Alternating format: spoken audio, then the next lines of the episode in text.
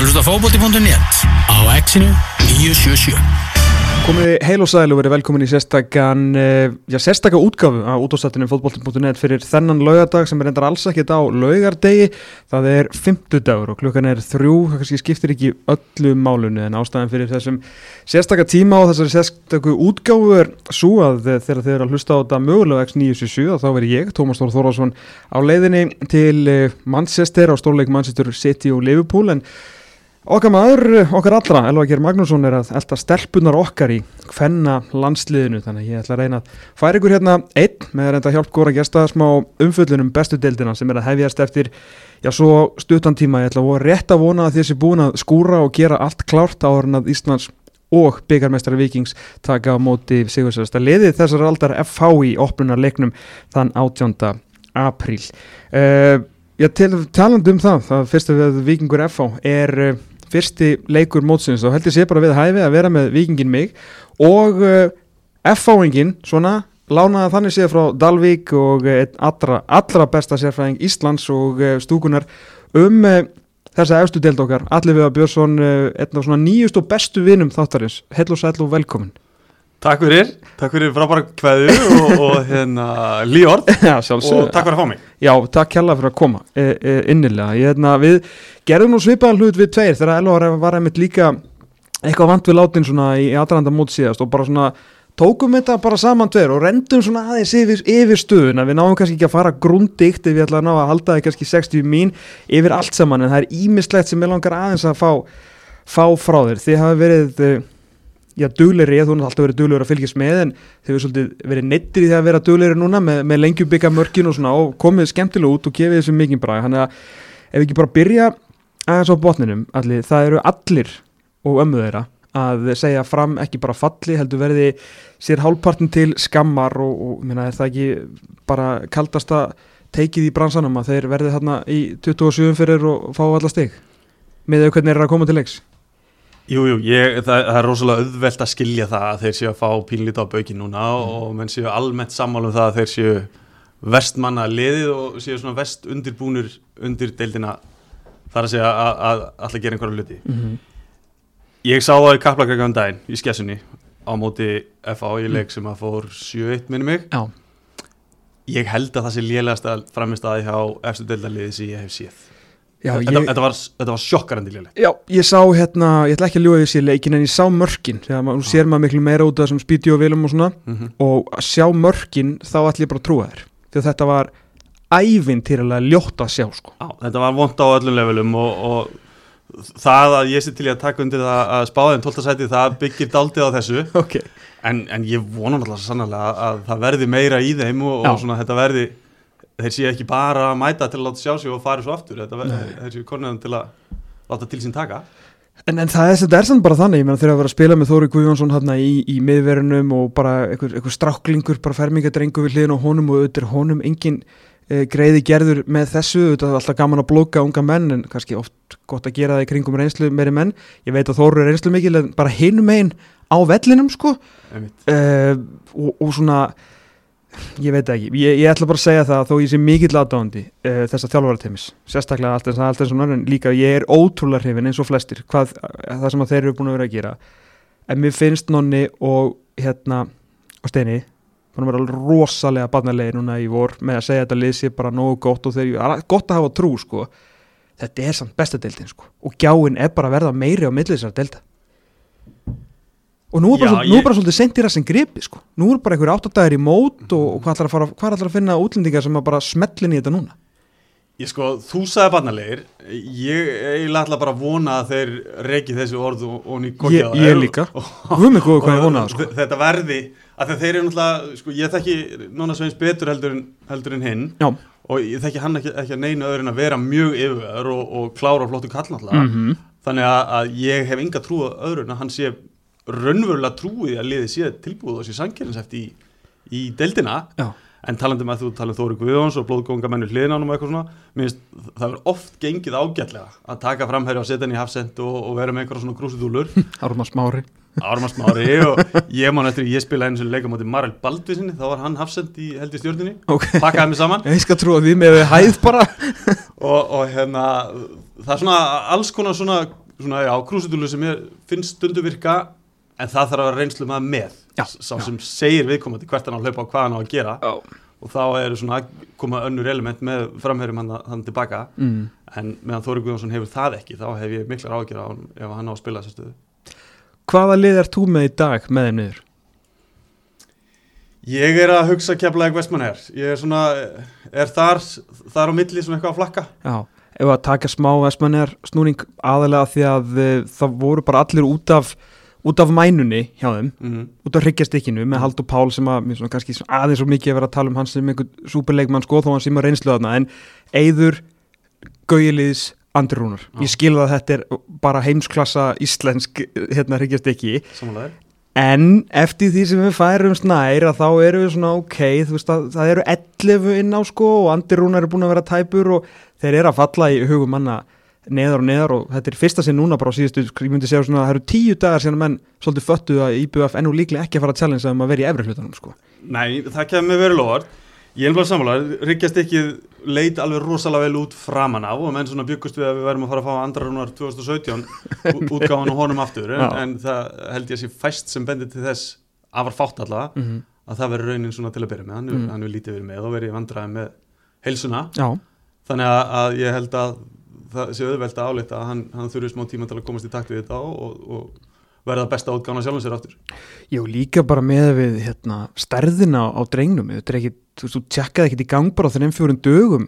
Meina, þú veist, hans leikur byggist og hann er rosalega fysikal spilari stór skref ég meina, hérna, hann, hann fljótur svona með við stærð svakalegu skrokkur. Ég meina, þú er búin að vera að glíma við long covid og meðsli ofan á það. Ég meina, þú veist, hann er ekkit að fara að mæta 18. apríl bara og vera andir hún að 19 mörg sko.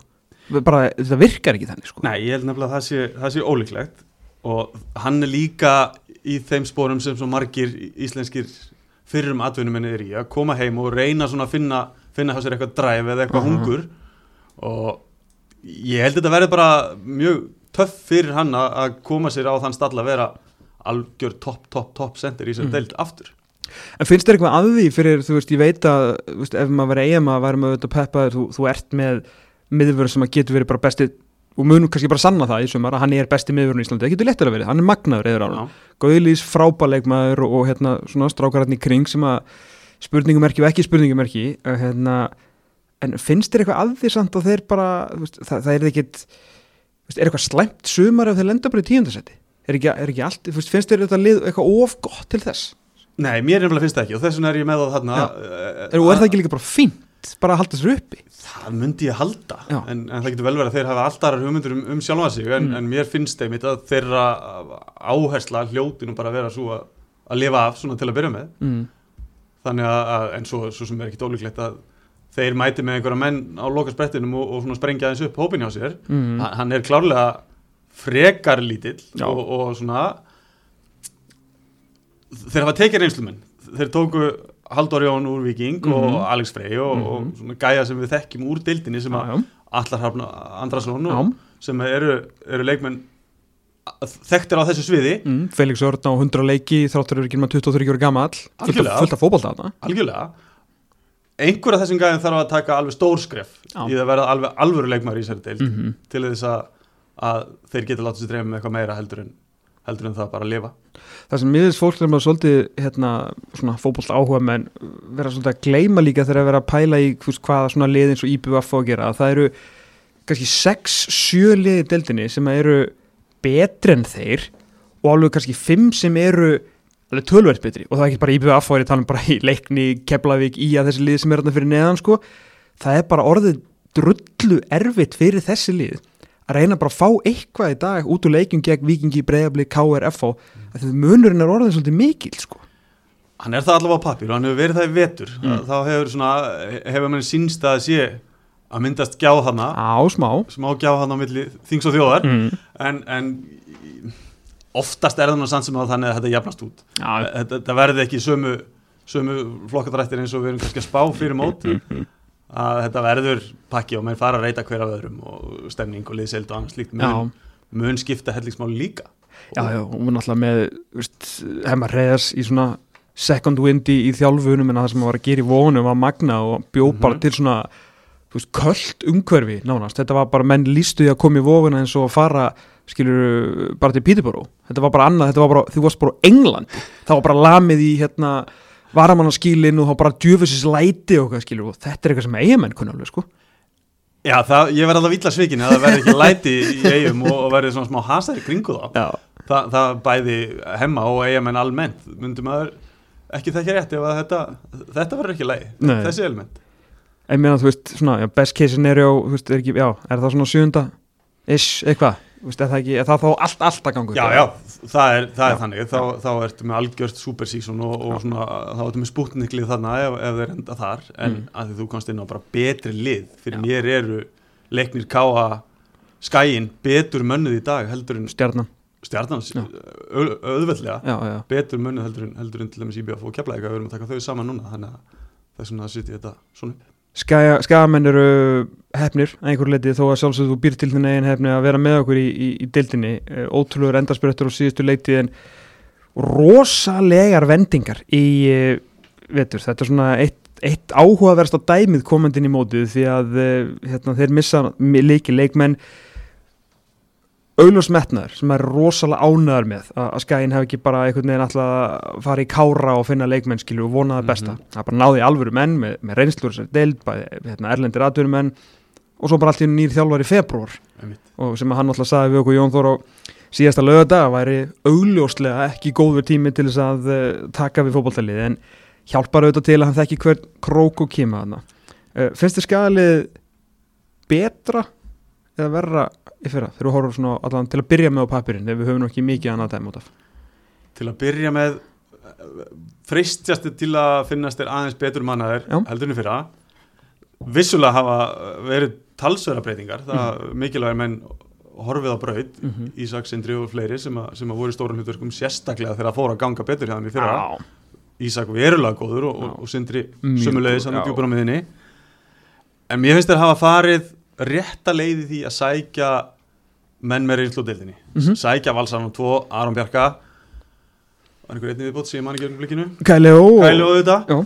þetta eru gæjar sem við þekkjum úr deildinni að því að skæin hefur dálítið oft verið að sækja unga menn í næri deildina og svona ætla sér að búa til leikmenn Mhm. sem er gott að blessa og, og, og hérna, góð leiði sjálfur sér og gengið upp og selta og Já, já. bara fínt En þeir þurftu svona einhvern veginn bara reyna að sækja í smá reynslu og smá stöðuleika og ef þeir hefði farið inn með liðið eins og að leita út í janúar, februar mm. þá hefði þeir bara orðið fallbissu fóður held ég. Já, ég er nefnilega trúði alveg Jóni hérna, Þór þegar hann sagði okkur síðasta lögða hérna, að vera Aron Bjarki hefði bara, þú veist, hann lappar hann í klefan uh, og hann segir eitthvað og menn bara þegja Kristján, hann sagði Kristján Kölu líka og rosalega, hann var svona krefjast mikils á æfingum og fyrst hugsa maður svona, vá, betur, akkur segir þetta þessi gæðir gátt, gátt ekki, þú veist, ég ætla ekki að segja gátt ekki, en svona voru aukaleikarar, en eðla voru aukaleikarar því voru káir og val, sko þú veist, Kristján Kölu var vantarlega ekki að stýra æfingum hjá valsmönnum, hafa nóga mönnum til þess að gera það, en ég trúi alveg veist, að þessi menn séu að lifta bara andanum á, á skaganum, sko.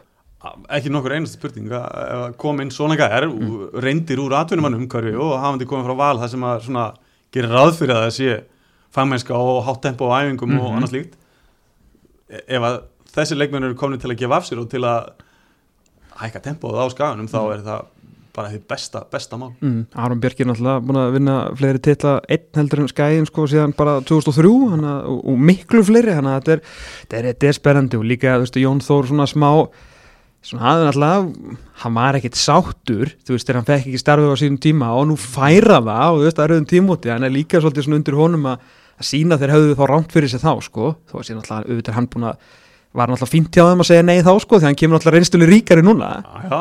Samanlega því, Jón Þór er, er á góðum stað sem þjálfari, hann, þetta vestra ævintir hans hefur gert honum alveg svakalega gott, Já, klálega þannig að, að hann er, hann er hérna, besti maðurinn fyrir skagan í jögnumleikinu, fyrst að fór svona hann í vetur, en að þið líka bæta við að þú minnst Mhm. á Aron Bjarka, mm. það verður rosalega frólægt að sjá hann í aðalhutverki. Sammála. Hann hefur náttúrulega verið bara einhvern veginn fimmtimaðurinn í vardalínu leist alla stöður og gert það frábælega Já, en núna er hann aðalkallin og ég þykist vita og, og öðrun að vörð skagans verði raðað upp í kringum hann. Já, algjörlega og bara þetta koma óvart veist, hversu, okkur einasta hausti þegar maður var að lesa hérna slúðupakkan og leigubilasögur og hvað þetta hétt þá bara svona fimm neðstu liðin í deildinni og jafnvel bara þú veist svona mið, miðbygg deildarinnar sko það var alltaf hafa áhuga á Aronberga hafa áhuga á Aronberga hafa áhuga á Aronberga en hann var alltaf bara helviti góður hérna, þú veist, hérna, eins og segir sem finnum maður hjá K.R. sko Einmitt.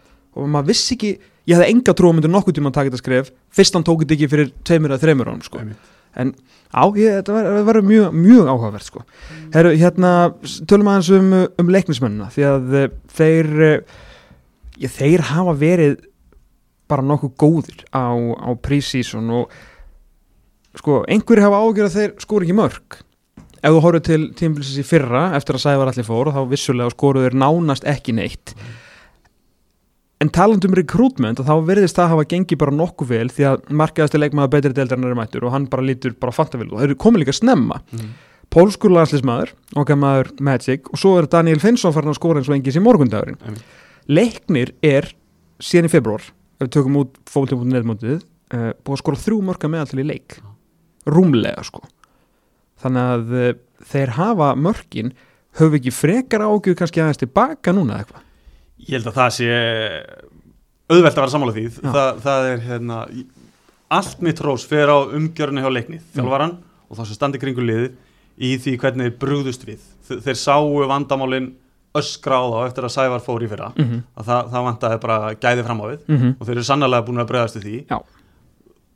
Það var líka stór hættilegt fyrir liðin svo leikni að þeir áttu frábæra 2-3 af deildinni fyrra Mhm. og svo svona kannski aðeins fjaraði undan eftir að þeir eru búin að tryggja sig í deildinni annað ár frækt að sé erfitt en þeir taka bara alvöru liðstyrk til þess að- reyna að gera stíð allra besta til að búa til stöðuleika og, og svona einhvern veginn til að fylgja eftir árinni fyrra og byggja ofan á það Já, sko það sem að í, í ef og hefði sko XG töflinu það átti þeir að vera með miklu fleiri mörgfengin á sig en Guy Smith Mhm. var stundum bara eins og einhvers konar mannlegur veggur þarna og þetta er sko finnst mér að því að þú veist þeir eru með fína miðju bara þú veist Emil Berger er svona á þess að sem hann talaði um hann einna betri miðjumennum í þessu deild þessi er frábær miðjumæður uh, hann leggur upp, hann veist, stýrir bara hann stýrir bara þessu liði, Mhm. bara gjössanlega frá aðtilu hann inn á miðjunni sko, binni hlö í 27 leiki ég sé það, það er ekki að fara að gera sko. Nei. ég elska Binni Hlö, hann er stríðsmaður en hann spilar ekki 27 leiki, þú getur gleymt í sko.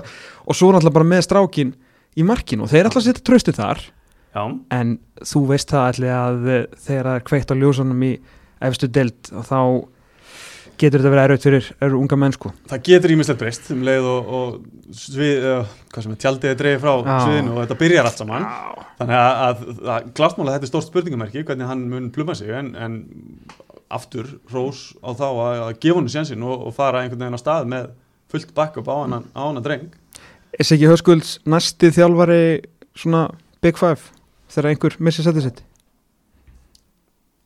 Mér finnst það bara alls ekkit ólíklegt að, að hann verði nafn sem verður á blaði hjá eins og segi þeim næsta sem að lendir í þjálfarleit Já, ég sko það eru er undar allir á mjög góðum stað þess að dagana, maður er ekki að sjá mikið rótarnu uppi sko, Nei.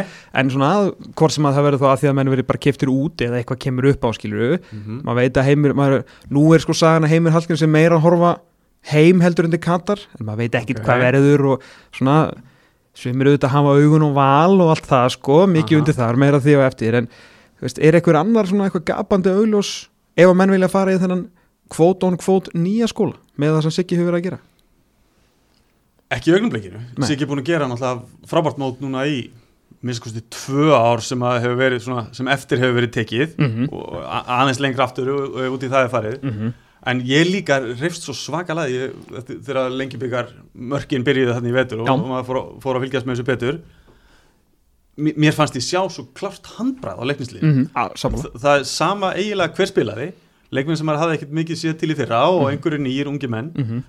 Hugmyndafræðin var skýr og við vitum að það er það náttúrulega bara einn maður sem að lemur það það, er, það lítur að vera siggi Heldur þú, sérðu einhverja fallbaratu fyrir þér það kemur mjög óvart Já. ég, ég hérna Það er erfitt að segja nei að, Já, við, já. að því við trúum á svo stundur Mhm. en, en já en ég finnst sko þessi nýja menn, útlendingandi tveir eða þrýr sem að hefur verið bætt við Mm. líta vel út Já. og, og einhvern veginn stakka klubin og stakka liðið alveg Já. heilmikið þannig Já, að ég held að held að og pínlítið vona að því að ég er rosalega hrifin að þessu sem, að, sem Siggi er að gera og þessu sem er að tala með þessari hugmyndafræði sem ég finnst vera svo skýr. En uh, að því skautin kannski getum eða ekki alveg skautað yfir á því að það er nú flestir að spáðum hérna, svona falli núna uh, keflingandir ef að það er eitthvað lið sem ég hef ágjur af í uh, annars tímabils helkenni þá er það keflaðið sko.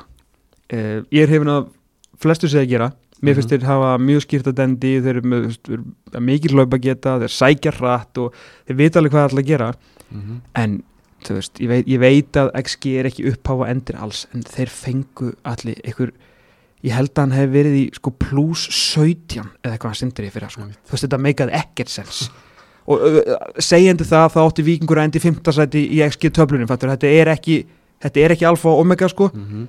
en það segir okkur samt eitthvað um svona hvað hann var góður hvað liðin voru að skjóta framjá og allt það svona já. þetta er ekki sustainable Mhm. þetta er ekki sustainable og síðan tölum við um blóðtökuna sem hefur verið, veist, reyndar, að- veist, flott í að hann að fá sindra uh, svo náttúrulega hann, þú veist, finna sem að þekkir ekki, Erni Bjarnason varamæður hjá leikni Ástbjörn fer ég ég er, al- ég er alveg að fara að segja ég hef mikla rákir, sko Ertu, er það of djúpt í árun að tekja mér það? Nei, nei, ég er alveg með þér Já. ég var að tala um hann á hann fyrir mér er þetta eitthvað vestmennjar sem Já. fara niður með, með hérna, fram eins og þetta lítur út, út í dag svona einhvers konar power ranking þá, þá hérna, hef ég þessa sömu áhyggjur og þú að tala um af, Mm. af keflaði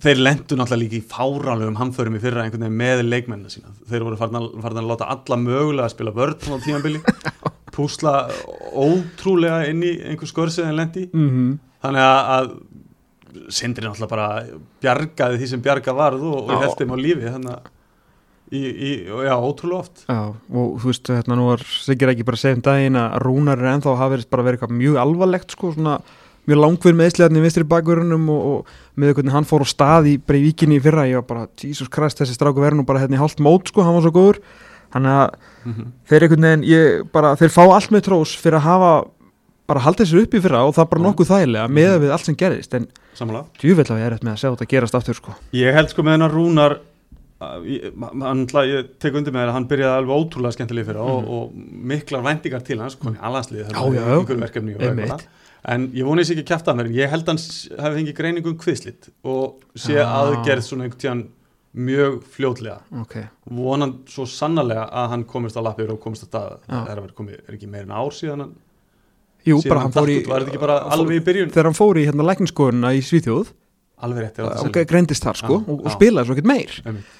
og hérna er ekki rétt sem er hérna að kvislit er ekki, ekki alvarlegt en þetta er svona, þetta, tekur svona tíma sko svona Þessi, ég meina þetta er ekki crossband eða þannig en þetta er, þetta er leiðinlegt. Þetta er 6-8 vikur Já, eitthvað, já, já, eitthvað svona og, að- og aðgerð?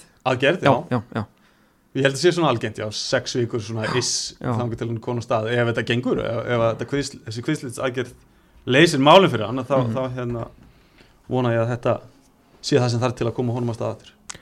Hvort eru káa eða stjarnan í fyrsta neðri hluta uh, eru síðvinstala hvað þú veist, hverju verða hann í sjöfunda sæti sem að enginn vil veri. Sko, ég ætla að reikna með að þetta séu tvö liðin. Við séum nú sammála um að þetta sé káa stjarnan sé 6-7 eða eitthvað, ertu með eitthvað heitir að teka á þetta?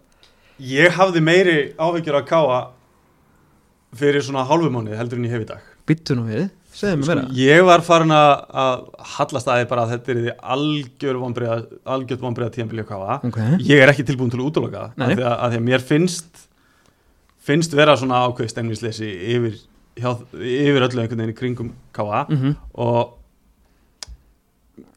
mér finnst bara svo mikið vonbrið að það hafi ekki fyllt eftir góðu tíðanbili fyrra út á leikmannmarkan það er nefnilega að heyra það sko að norðan að Arne Gretarsson er nefnilega alveg sammálaðir sko að því að hann svona með það sem hann smíðaði hérna á síðustu leitið mm þeir voru í titilbaróttu í 19. fyrir, skulum ekki gleyma því Algjörlega. með smá ef að vikingur og breyflikaðu drullast til að tapa eitthvað til að leika undir restina þá er þeir alveg geta stólið þessu sko. leikandi og, og þetta tveggjarleika innviðið er á múti breyðablík hérna seint í mótunum Já, það, það vissulega fór svolítið það fóru sko. eiginlega með þá Já. lendur í vandræðum með, var ekki Dúsan sem var ekki í hvað er ekki, 2-1-0 var ekki 1-0 og 1-0 held ég, minni það, eða 2-0 og 1-0 þetta var bara svona, en já, og, það raun og veru skautað þeim út úr Evrópu líka og þar auðvitað kannski fór svolítið peningur sem að fekk menn til aðeins til að halda kannski aftur á höndum sko. fór ekki Evrópasæti bara í síðasta leik þegar FH stál stíð á Akurvelli ef þeir ekki farið í Evrópu með sigri þar? Var þetta ekki svoleiðis? Jú, þetta var svo klós og Káur vann alltaf Já, Já, var ekki þannig? ég er ekki frá því sko. Og, Káin, já, já, og svo fór það því að Víkingur vann byggarinn, já, Einmitt. En já, ég, svona, mér fannst einhvern veginn allt benda eða En ákveður til Björnsitni núna? hlusta á viðtalið Arðan á fótboll.net núna einhvern daginn. Já. Mér fannst hann bara auðmjögur, hann adressaði vandamálinu og þeir væri búin að vera í miklu barsli og, Ok. og svona væri bara byggja hann á það. Hallgrimur Mar kom á stað sem er náttúrulega bara skiptir öllu. Öllu Bara, að, þú veist, það er ekki verið að gera lítið úr í eina sekundu, hann, hann bara, hann er það sem þetta snýst um. Þannig að ef hann er í, ef hann er klár Mhm. og kemur sér í svona það standa að hann geti gefið af sér, Mhm. þá, þá hérna er ég öllítið bjartari fyrir þeirra hönd. Ég- Þeir, þeir eru konu með Hafsend sem að verður þá minnstakosti inn í móti, var ekki talað um til 20. júni eitthvað svo leiðis. Hann, hann allavega leysir það meðan Dúsan er í, Í banninu er sínu. Já, Þannig að mér er svona, já, það, það er eitthvað smávegis í mér sem að e, fær mig til að trúa aðeins meira hvað heldur en fyrir, já, hálfa mánu, þreim vikum eitthvað svo leiðis. Og náttúrulega Arna Gretarsson að þjálfa Það, það, er, það er svona einhvern veginn það sem ég átti eftir að bæta við, að, að hann kannski var á þeim tíumbúti einn ástæða fyrir ég hefði ekki spáðin falli, sko. Já, Ég var þar á tímabili, ég er ekki grínar, sko. ok. Mér fannst einhvern veginn að ég hafði það miklu ráð að gera af þessu hjá Já, þeim en, en var alltaf með það bakveir að Arne Gretarsson er að þjálfandalið Mhm. þannig að þeir eru aldrei að fara að falla. Nei, nei, nei, nei. Það er svona þetta er svona svona, Þetta er ekki alveg sama svona svagúið og var yfir þeim komandi, þú veist náttúrulega að þeir hafi verið hann í Európi bara til 20 fyrir koman alveg óvart sko en síndi maður bara ok, Mhm. shit, hvað Arnar er góður að þjálfa sko. Já. og hérna búin að byggja þetta upp frá því voru leiðilegast að lið bara söguna sko en þú veist, bara, þú veist, hann var alltaf sallar ólugur sko, þáttur að vera drullið og fyrir að gera jættibli og halda hreinu, hann var bara að byggja ykkur grunn. Hann vissi nákvæmlega hvað hann var að gera. Nákvæmlega hvað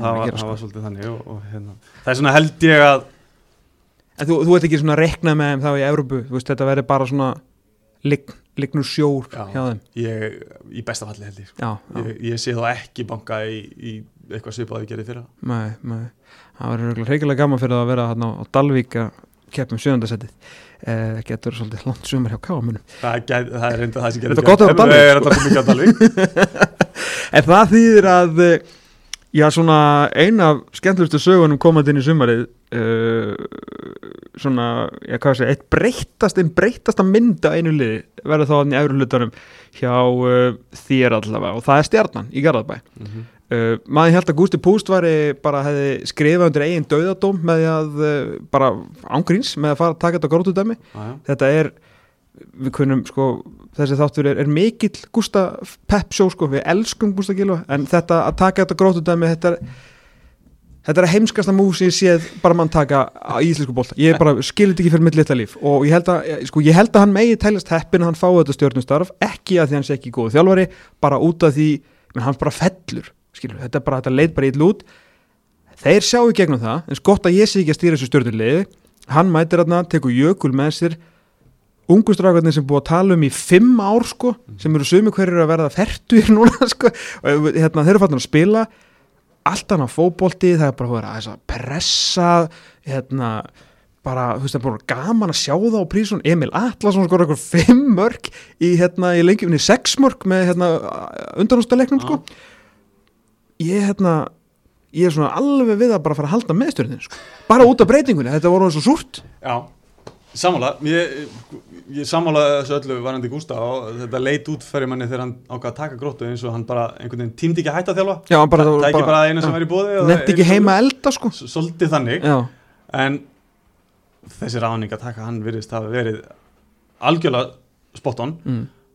hann hefur einhvern veginn gert alla réttu hlutinu síðan að kom. Hann fannst stjarnan uh, skýta tímabili fyrir að leiðilegt tímabili og, og svona einhvern veginn var skýtalegt aðeim allt mótið. Mm hann kemur inn, spilar ungustrákunum eins og segir. Mhm. við það, það eitt fær hann fólki í félaginu og fólki í bænum með sér. Mm öllítið skemmtilegur, fótbolti, Mhm. þessir, þessir ungu fá að hlaupa, fá að, að svona einhvern veginn að hlaupa sér á hodnin -hmm. sem um leið náttúrulega minkar hlaup á eldri menn sem eru bara Ah. góðir í algjörlega, Óskar og Hilmar Átni Árna hann meðist og svona.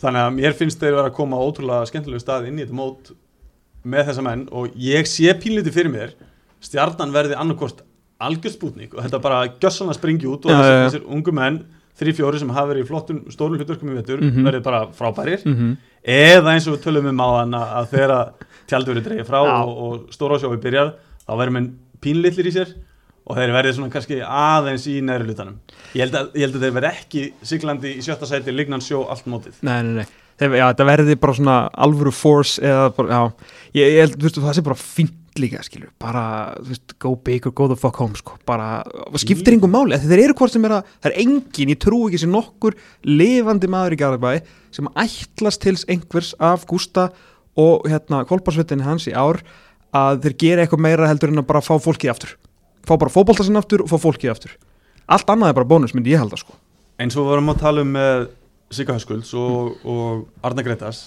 þá þarf að byggja þetta upp í ákveðnu skrefum. Já. og ég held klárlega að Gústi sé að taka lítil skrefi rétt átt og það væri algjört óðsmannsæði að láta sér drefa með einhverja Európa-baratu eða mm tala ekki um að fara að kroppa í einhver titil Mm í sumar. En, en ef þessir ungumenn taka sér alveg hlutverk og, og halda áfram að stækka og blómstra -hmm. þá eru þeir í góðum málum til ö, ö, svona nánar framtíðar. Já, og náttúrulega gerir vel í að ná í the next big hope í, í þjálfurinni, Jökull Elisabethsson Algjörlega, hann verðist að hafa eiginleika sem að svona bakka Gústa upp á ákveðinu sviðum og mann svona lítur út eins og þeir séu frábært, frábært teimi frábært heimi sko, hann er alltaf mikill pælari Jökull og svona einmitt. þessi nýju skóli með tölfæðan og heldur á iPad og mann að þjálfa, mann að Gústi heldur bara kaffibólla og gefur mannum faðmlag og er bara, þú veist, hann er bara the people's coach sko, Algjörlega, það er ekki einn leikmaður sem verið þjálfar á honum sem elskar hann ekki, nei, nei, það er ekki til sko. einmitt.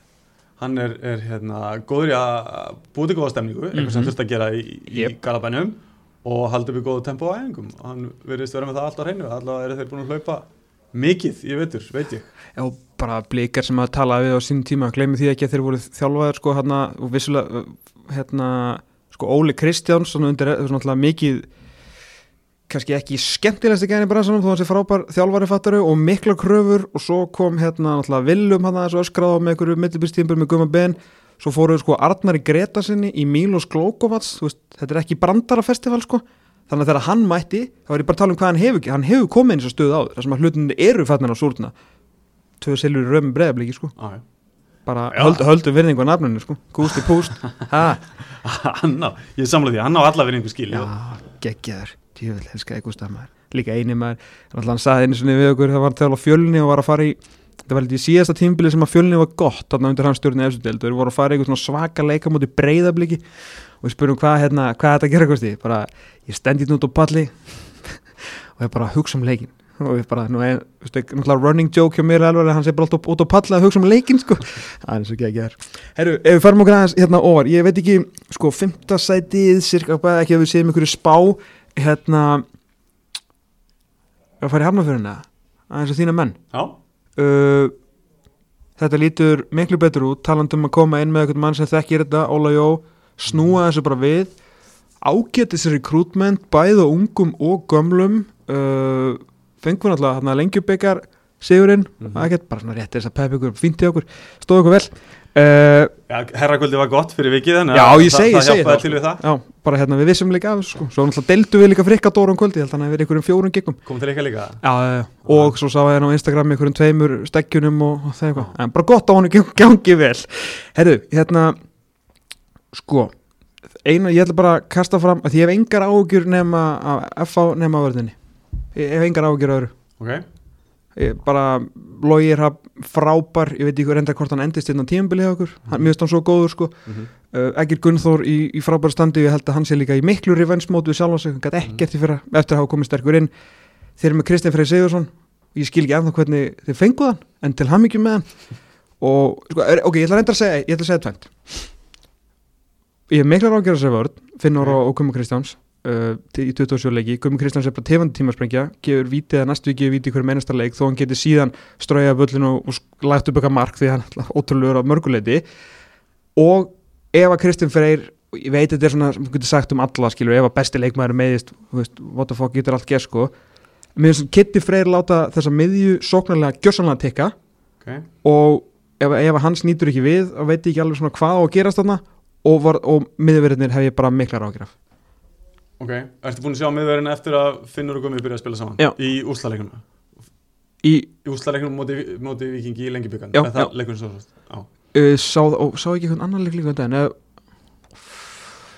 ég held ég sem er svona 180 mínútur undir belti með þá, tvo Þetta, ok Ég og, og náttúrulega þeir eru ekki miðverðir sko Nei, nei, en þeir vi- virka ágætlega saman þeir eru eins ólík, ólíkir og bara heiminn og jöri sko. þannig að- ég held að En heldur þetta að sé meðverða teimið til að byrja með? meðan ekkert annað kemur þá Já. held, held ég það já, þetta verður byrjunlið Ok, okay, fyrsta leik ég held að Eggert verður með loga upp á miðinni og, og Ég ætla rétt að vona það já, Eggert hefur annars verið að spila í hafsendunum, Með það, Gumma. er það ekki sniður finn upp á miðina Já, já, þess vegna sko Nei, kannski ekki Nei, ég, ég, Nei, ég, nei, ég, nei, ég er hrifnur að þessu svona Ég tekið sko. tilbaka, þetta er rétt fyrir þannig að, að en ég sko, ég tek alveg undir með þeirra að, þú veist, mér finnst vanta eitt miðvör í að fá Já. ef, ef þeir ætla sér að fara alveg upp í Það ætla að vinna Hæstu- þetta hæstu hæðir, sko. já, já. Getur þetta að fálið unni mótið? Er best case scenario sigur í mótinu?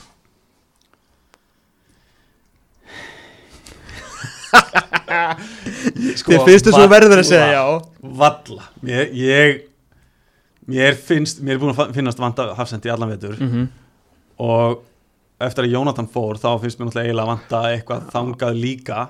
Óli Jó sagði náttúrulega við okkur um daginn að vantaði 23 Svo dró hann andan og sagði 34 að ég heyri það. Það er fyrir gott. Æja, hann er, hann er Hann kann þetta. Hann veit hvað hann er að gera þannig En það vantar allt í rauninu semst, hérna, prúven uh, framherja líka, eða sem sagt sóknamann Já, sko, mér finnst F.O. vanta mann framar á vellinu sem getur unnið stöðuna einn og einn farið á mann til þess að vinna. En þið eigið þarna vúk, strákin, nú bregðaltinu bæði Vúk og Oliver mm -hmm. Ólefur er ekki þannig sko Nei, Oliver er meiri sprengja svona, en báðir tveir eru stór efnileg ah, Ekki smá en hvorur þeirra hefur fengið nógu mikið að smakka á þessu til að sé hægt að bara búast við að hann komað inn strax En hvað er það að gera við vúk? Akkur spilar hann ekki? Ég veit að hann var svolítið meittur í fyrir og svona En, en núna, akkur fara hann svona lítið að prófa þetta? Ég bara vildi ég hefði svarand að það sko. Já, ég vildi það líka ég, ég bara veit það ekki, hverju hann hefur spilað svona lítið Nei En, en það, það er mjög auðvelt að benda á það að er með stór, tvo stórumlega vangmenn sem að geta bara stíðið inn og, og tekið hlutverki hans Jónatans mm -hmm. en mér finnst eins og segi í íslensku leikmönnum. Mjög. Þannig að, að það sé farið út úr F.A. leðinu hef ég svona smá ágjör af. Mm Lennon finnst mér eiginlega ekki kantari lengur. Mér, eh, svona, ég er miklu hrifnar á honum aðeins mm. meira fyrir miðju og nær markinu bara hreinlega. Ég, ég vil ekki láta hann hlaupa nýra að markteg eða nýra vítateg eigin vítateg til að verjast. Þannig að ég vil gema hann framar og þá, þá hérna þarf svona dýnamíkin að vera aðeins önnur. Já ef hann spilaði aðeins 3-5-2 eða, eða 3-4-3 eða eitthvað, 2-3 leikið með vetur. Mm mér finnst það að koma frábæli út og ég er mjög spenntið fyrir því að þið grípa í það á einhverjum tímafóti af því að mér finnst sko Lennon, Matti Villa og Kitty Freyr þessi þrýr saman um, um sóknarleikin -hmm. Kristinn Freyr fyrir aftan Lennon og, og Matta í einhvers konar 3-5-2 finnst mér hljóma skemmtilega. Já. En ég veit alveg að fara að fara að byrja á móti í 4-3-3 og það kemur verulega óvart ef að það verður ekki, ekki raunin? Já, þetta er svona þú kemur oft í ljós sko þegar við spjöllum saman að þú veist svona hundra svona meira en ég sko. Því þetta er hlutið góða pælingar með Lennon. Að þú getur ekki spila Kittan einstar annar staðar en í, í gamlu góðu hólni þannig. Hann bæði bara funkar að þar og er bestur að þar. Mm -hmm. og Lennon er eiginlega það líka sko. Að það, það fer alltaf að draga af honum eins og þú segir, þetta er frábæð punktur þegar hann er komin bara í vanglutverki sko. Sko mér finnst Lennon geta spilað í tveggja framherjarkerfi mm -hmm. frábæri því. Mhm. og svo geta hann líka verið annar af tveimur fyrir aftan eitt sendir í svona einhverjum hólum í einhvers konar 3-4-3 eitt strækjur og tveir fyrir aftan. Já, bara svona, bara indrilöfur bara, eight sko. ekki, eða tvær tíur kannski bara meira. Já, já. En þá er náttúrulega, Svona- þá þarf annarkvæmt Lógi Hrafn að verða besti ungi leikmaðurinn í deildinni á einnu nóttu eða ekki er Gunnþór að spóla aftur um nokkur á sko. Það er nokkur svona spurningamerki, það er ímislegt í bóði samt sko. Það, þú ætlar, þú, þannig að segja að spila með eina sexu. Nei, tvær. Tvær sexur? Þú er með tvo, þú er með þá þú með, hvað sagði ekki, Kitty og Lenny fyrir aftan segir Lenny eins og þekkjan Lennon fyrir aftan, mattaði ekki? Þá hefur bara pláss fyrir einn miðjumann. Ég er að hugsa svona svipað eins og eins og Chelsea, eins og Chelsea spilar, já. Ah, mjög áhugavert. Það er svona það sem ég sé fyrir mér miða við þennan leikmannhóp sem gæti verið svolítið skemmtilegt sko. kassamiðjan? ef hún heitið, eða svona eða það það eru svona kassi í kringum miðurringin sko. og þá getur við fittaður raun og veru Loga, Eggert Stephen Lennon og Kitta mm -hmm. og ábyrðin fer þá á Áspjörn og og Óla Guðmunds Óla Guðmunds eða Ásmund Eða Nei, Ásmund. hvað heitir hann aftur hérna Haraldur Haraldur Einar. Já Það, annarkur þeirra verður væntalega vinstri sko þegar þú segir þetta þá er þetta basically fullkomi liði í kerfi sko. Ég er nefnilega, og hópurinn er svolítið þannig fyrir mér. En, en Þú veist ég þetta er það sem að er ekki til að, að Túkil kom inn sko. þetta er nákvæmlega sem að gerist hann bara horfði á liðið og var bara já, ég er með engan frábæran miðurvörð en nokkra góða, Mhm. ég er með allt og mikið góðum miðumönnum og geði vekka bakverði þrýr, fjóru, þrý, takk. Herri, já En, já, hérna- við erum, við erum konið ódjúft í þetta hvernig FH spilar af Því að við vitum báður FH spila Já, fjóra fyrir vissulega, þegar mó- vissulega. þegar mótið byrjar sko. góða pælinga bara, svo Nietzsche. Skemmtilegt. Hérna veit ekki hvað sem við ef að fara, förum í heru, hérna Káur á spáð fimmtasæti eða eitthvað í fréttablaðinu. Er það ekki fullt mikið eða, eða ertu, hefur eitthvað áhyggjur af Káur getur það ekki, finnst þér Káur betur en FH til að byrja með, af því að þú, svona, þú er ekki alveg kannski trú á FH getur unnið þetta, getur Káur unnið mótið? Sko ég myndi leggja þessi tvö að jöfnu. Ok. Bara ef að allt gengur upp já, Þá geta það látið dreymum titilbartu já, En mér finnst þau samt svona kannski skrefa eftir Hinnum þreymur mannskapslega séð og, og svona hvað þau eru stödd í dag. Hvað vantar í Káur flókin alltaf nýmetur Já, gríðalegt áfall að flókja að dottið út að mér fannst hann verið búin að líta vel út. Rétt. Og, og hafiði mikla væntingar til hans. Mm Þannig, ef það er rétt að hann sé búin að fara í aðgerð og verið í gifsi í átta vikur eða eitthvað þá er náttúrulega mótið bara hálna þegar hann kemur tilbaka. Jú, þetta er svona ekki verið það. Eða þú veist, segir maður, ég held að þetta væri bara season ending sko, en síðan á eftir að koma sér í stand og allt sko, hann að já, Já, það, það sem ég heyri var, var að þetta hefði verið aðgerð og, og átta vikur í gifsi, cirka já, þá allt, þá er endurhæðingin eftir. Já, þá var þetta að koma sér á stað eftir Já, ok, já þetta er að- náttúrulega sem ég allt mótið bara. Þannig, sko, þetta, þetta er klassi, eða svona eftir Vestlumhelgi eða eitthvað ef maður svona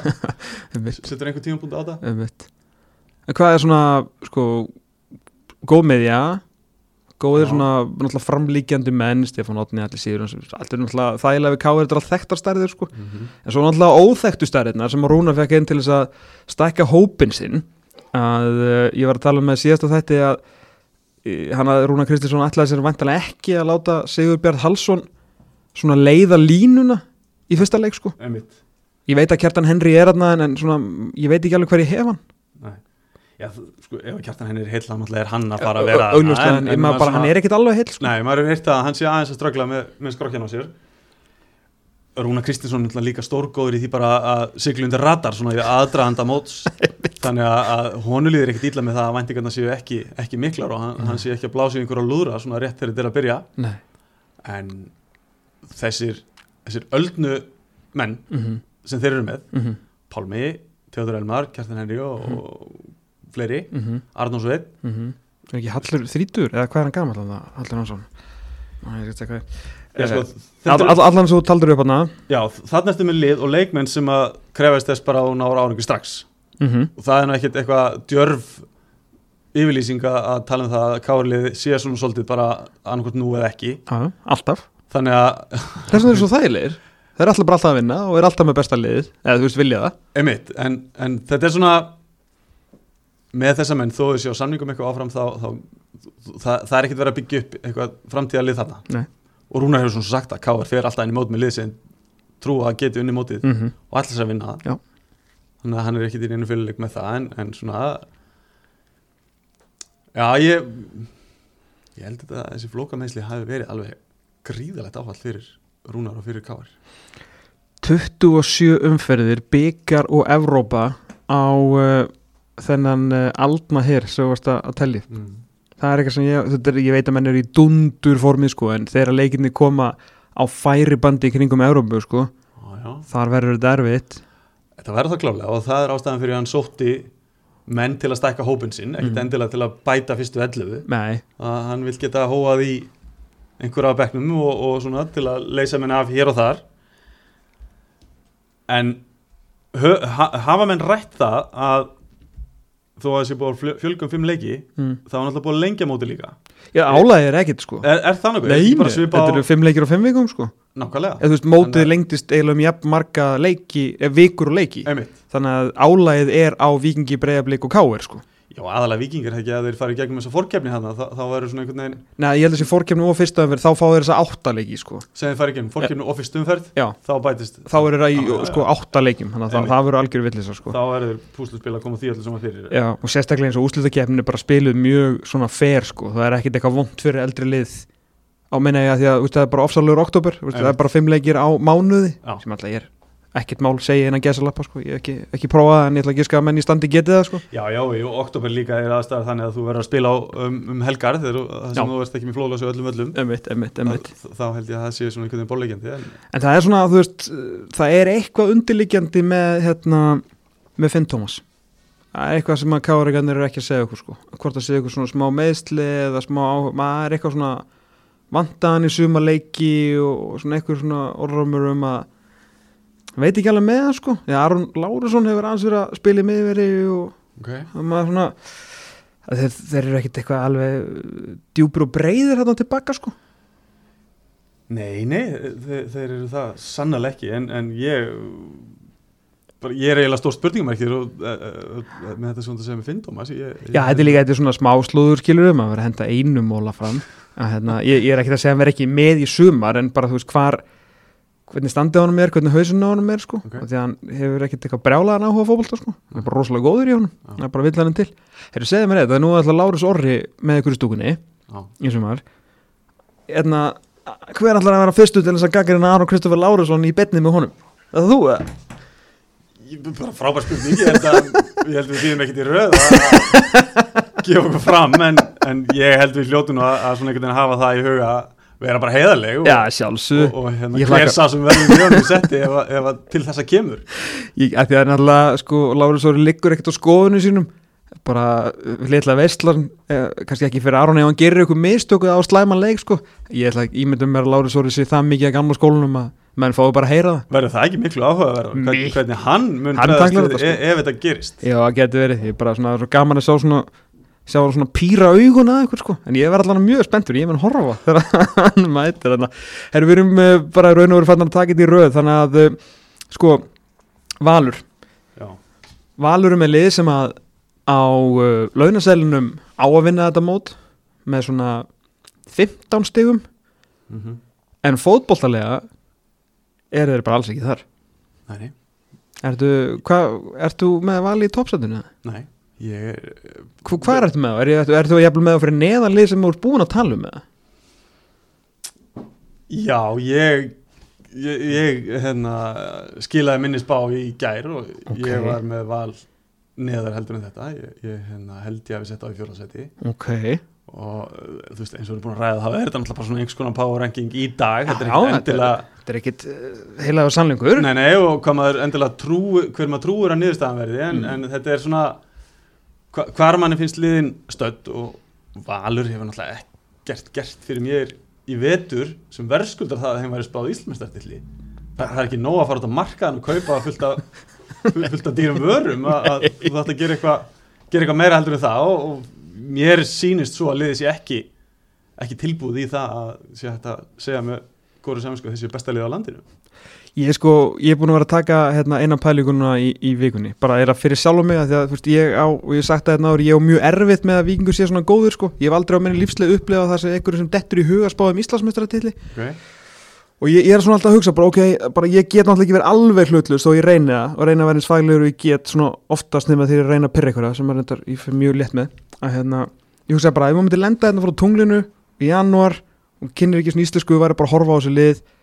þá eru vikingur og breiðablík alveg augljóslega bestu liðin í vetur, skilur það, það segir sér alveg sjálf svo bara, ég myndi sjá bara hvað mennirnir í valur að fá borgað versus það sem ég er búin að sjá á vellinum og heyra frá öðrum mönnum uh, á þeim leiki sem ég ekki séð bara að því mér langar einhvern veginn að hafa þann uppi skilur við í fyrsta setun, mér langar að geta sett pressu á lið með þú veist þessa leikmenn að vinna þetta en ég bara get, ég get ekki séð það.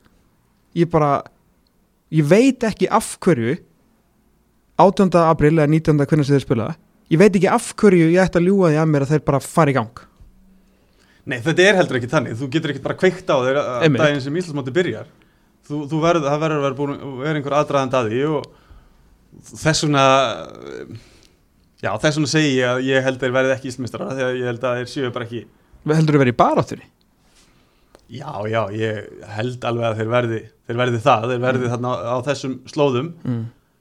Og svo náttúrulega getur þetta auðvitað breyst mjög hratt, ekki Já, það þessi einhver, einhver djörf spá en, Nei, en nei. hérna, það er Nei, bara til dæmis eins og Aron Jónsson sko, mm það, það er lítið komið fram í vetur, hann er lítið spilað og mann finnst eiginlega eins og hann hafi verið bara að hlífa sér og svona pínur hrættur við aðstæður hérna. Mm. Það er tvö ár síðan hann átti þetta Hammarby tímbil sko, það var ekki á síðustu leikti, við erum okkur að benda á það. Nei, nei, en hann- er samt að koma úr vondum meðslum, þessum, axlameðslum og, og Mhm. svona er að, er vinna sér tilbaka úr því það bara ef að hann dettur í stuð. Og Ég heimir ekki einu sinni með stöðu fyrir hann. Svo erum við með eitt Patrik Pedersen líka. Hann er þetta mjög góður, Hann er ágætur. Hann er rosalega góður sko. Holmar er klár, hann kemur bara inn og, og er Það er gæði sem kemur klár. Algjörlega. Þannig að það, það nertu með þrjá gæja sem að náttúrulega ef að þeir eru allir í standi mm. og byrja þokkalega Mm þá náttúrulega bara breytir það öllu. Og svo er nú ágæts ma- manna fjöldi hann og manna úr við hliðin á þessum þannig að Já sko, ef þú horfið tilbaka, ég meina veist, ég veit að Gísmitt er ekki búin að eiga góða daga núna á síkastið, en við sáum samt til fyrir að hann getur varið Mhm. og ef það er eitthvað sem ég hef litlar ágjur af þá er þessi vörð þeirra, því að veist, þegar kveikt verður á ljósunum þá er Birkimár frábær Holmar Ötn og Rasmus gerði það hundra sem Holmar getur léttlega verið besti meðurinn í deildinni Mhm. uh, og uh, hérna, mjög, Henrik Böttger sagði mér að þessi Jesper Júlskjart hérna, reynda annar, ef ég fekk hérna einhver smá hérna, nótur um daginn, hann ætti smá brasi með að fara fram áttu völlin, hann væri miðvörur í dag væri semir rámt skátar þannig af valsmönnum, en hann er bara svona solid sjö fattur okay. þetta á alveg að fungera. Frammi, Aron Jó, Patrik Pedersen Siggi Lár, við, öll þessi sveit. Tryggur Gu- Galdri hef ekki áhugur, þú veist, einhvern veginn munuðu skora og einhvern veginn munuðu verjast. Mhm. en þannig á milli það er ekkert að frétta innan þessari miður sko Ég er ekki alveg sammálaður að sé ekkert að frétta en, en ég, hvað er að frétta? ég bara fínt, rólegt. neitt. ég er bara, Nei, sko, ég, ég held að Haukaball er ekki klár. Hann, hann er í vandræði með skrokkina á sér og einhvern veginn verður ekki klár í uppaði móts. Það er einhvern veginn engin sem öskrar á hann að hann sé að fara að taka hans hlutverk. Nei, Arnús Mára er bara sek, fyrsta sexa þarna. Já, ég sé ekkit að hann sé að fara að verja bakverðina þegar þeir fara og þú veist þegar Birkir er farin upp og eitthvað að hann sé að vera svo sem er að mæta á kofera mm. en þeir eru fínir í fótbolta. Er góður í ef, fótbolta. ef þeir ná því að fara að stjórna leikjónum og svona einhvern veginn bara láta fljóta hjá sér. Mm. en svo náttúrulega vitum við líka að heimir stendur nú yfirlt fyrir það að vera freka passífur í upphæði móts. Mm. það kemur ekkit óvart að hellum dyrðbræðina af því að heimir á það til að grænda í fyrstu leikjónum Já, ég held því sé ekki að fara með rántmál þegar ég segja, þess að hann var með double six núna og búin að bæta við sexu í æfingarleiknum gegn breyðablíkjum daginn. Okay. ekki það hefði gengið vel út á vellið því að ég fengi frá tveimur að það verið algjör yfirspilun en þá var hann með held ég Arnór og Seppa. Ok, ég, ég hef heyrt líka, sko, ég sá þann leik ekki en ég hef heyrt að fyrirháleikurinn hafi verið fítn í val. Ok, en, en blikarnir hafi áttu öll völdi setni ok, ok. En þá var allan að koma með tvær sexu sko. Ok, að þetta hitt var, ekki- hefur ekkert verið að ganga. Æ, en sko ég, það sem mín tilfinning er að hérna að í svona leikjum, í svona, í svona reppa leikjum, þeir eru þeir að valum um að mæta FH, þeir að valum um þú veist, að fyrir að mæta Eggerti og okkur svona gæðum, eða hvað segjum, geta fyrir eitthvað. Mhm. uh, KR KA uh, pff, svona ég ætla að leiða mér að nota orðið þingri liðum sem er kannski svona, þú veist, að því að sumir náttúrulega eru meira svona hlaupagekkir, þú veist, hérna Víkingu, Breiðabli, Keflavík, jara, jara. Þarna held ég Arnórs Márásson munið skína, sko þegar það bara hann fara svolítið að vera í fótbolta en hann getur ekki eld mann uppi til að berga lífið sinu, sko, veist, þetta er bara staðrind ég er búin að horfa á þetta. Og, og það er alltaf læg, ég meina hann er bara búin að vera meittur ég er ekkert að lasta mannin, hann er bara hann er ekki þarna í dag en hann getur gefið sendingar blindandi bara beint á tíkall 60 metra sko, Já. hann er geggjaður í fótbolta. En ég, þetta verður við sem fyrir það sko. Já, ég meina, ég, ég er að mörgulítið sammálaður að, að svona samsetningin á þessari stöðu er svona kannski ekki alveg på tíu. Nei. Með að við manna, mannavalið hérna fremst í fremstu stöðunar Mm þá finnst manni þetta svona kannski aðeins já, veist, við töluðum það í allan veitur að Valur hlýtur að bæta við sig einu miðmanni, -hmm. einum Lasse Petri eða nýjum Haukibáli eða e eitthvað slíkt. Já. en hann kom aldrei þannig að eh, heimir er að vinna úr því sem hann á. Já. og það er náttúrulega algjör þversögn í því að fara að tala um að val vandi menn. Miklu meiri nóga mannskapanna Þessum Þannig að- að það eiga líka Birki Heimisson sko sem að eh, svona, þegar hann hann, fekk heldur betur elskindi fyrra og, Já. og var flottur já, þegar að heimir fatta bara setja hann að það, þá held ég að verði reynda bara ágætir sko. En er hann ekki búin að vera í brasi, missúr vegna meðsla og, Jú, reyndar, reyndar það er svona erfitt að vera stólamenn sem get ekki haldið sér á löppum sko. en þetta er, er allavega verður gaman að fylgjast með val sko. skilur við, það er, það er mikið undir og þú veist, eftir þrjárum fyrir getum við verið að kalla eftir höfðinu og heimi eða þeir verða grenjand og hláturinn í fjósi, konum með tólsti eftir fjóra leiki að á nokkuð maður að efast um á skilur við Já, já, þetta verður alltaf að vera nóg á sögulínum á hlýðarenda sko. Við heyrðum þannig við viðtölum við heimi núna fyrri, fyrri voru að hann er svona búa sig undir að fara í stríð sko. hann er að senda, senda fjölmjölunum aðeins tóninn og podcastunum og eitthvað þannig að hann er, hann er alveg byrjað að hlaða kallinn sko. Já, já, Hann- hann, alltaf, hann er líka sko fyrsti þjálfarinn sem byrjaði að nota fjölmeila sko. Alltaf þegar þið drölluðu upp á bak í svona kannski 17.000 hverjum leikirna á sínum tíma Já, þá urðaðar alltaf yfir ykkur skilur í einmitt ég man eftir stjörnuleik ekkert mann töpuði og, hérna, og við tókum ykkur svona fjóri viðtalega saman og alveg murkaði úr ykkur líð ég held að við unni svona fimm í röð eftir það voru svo Íslandsmettara sko. Hann er engin já. nota fjölmeilina eins og hann sko. Nei, Æ, nei hann, hann hérna hefur gert það sannlega klóku kallinn sko. Og hann er að, ekki bara að senda pillur á, á okkur sem erum fjallum þetta hann er Nei, að senda á eina þjálfarana og Já. sendi eina stóra sniði í Kópóin Kópóin sko.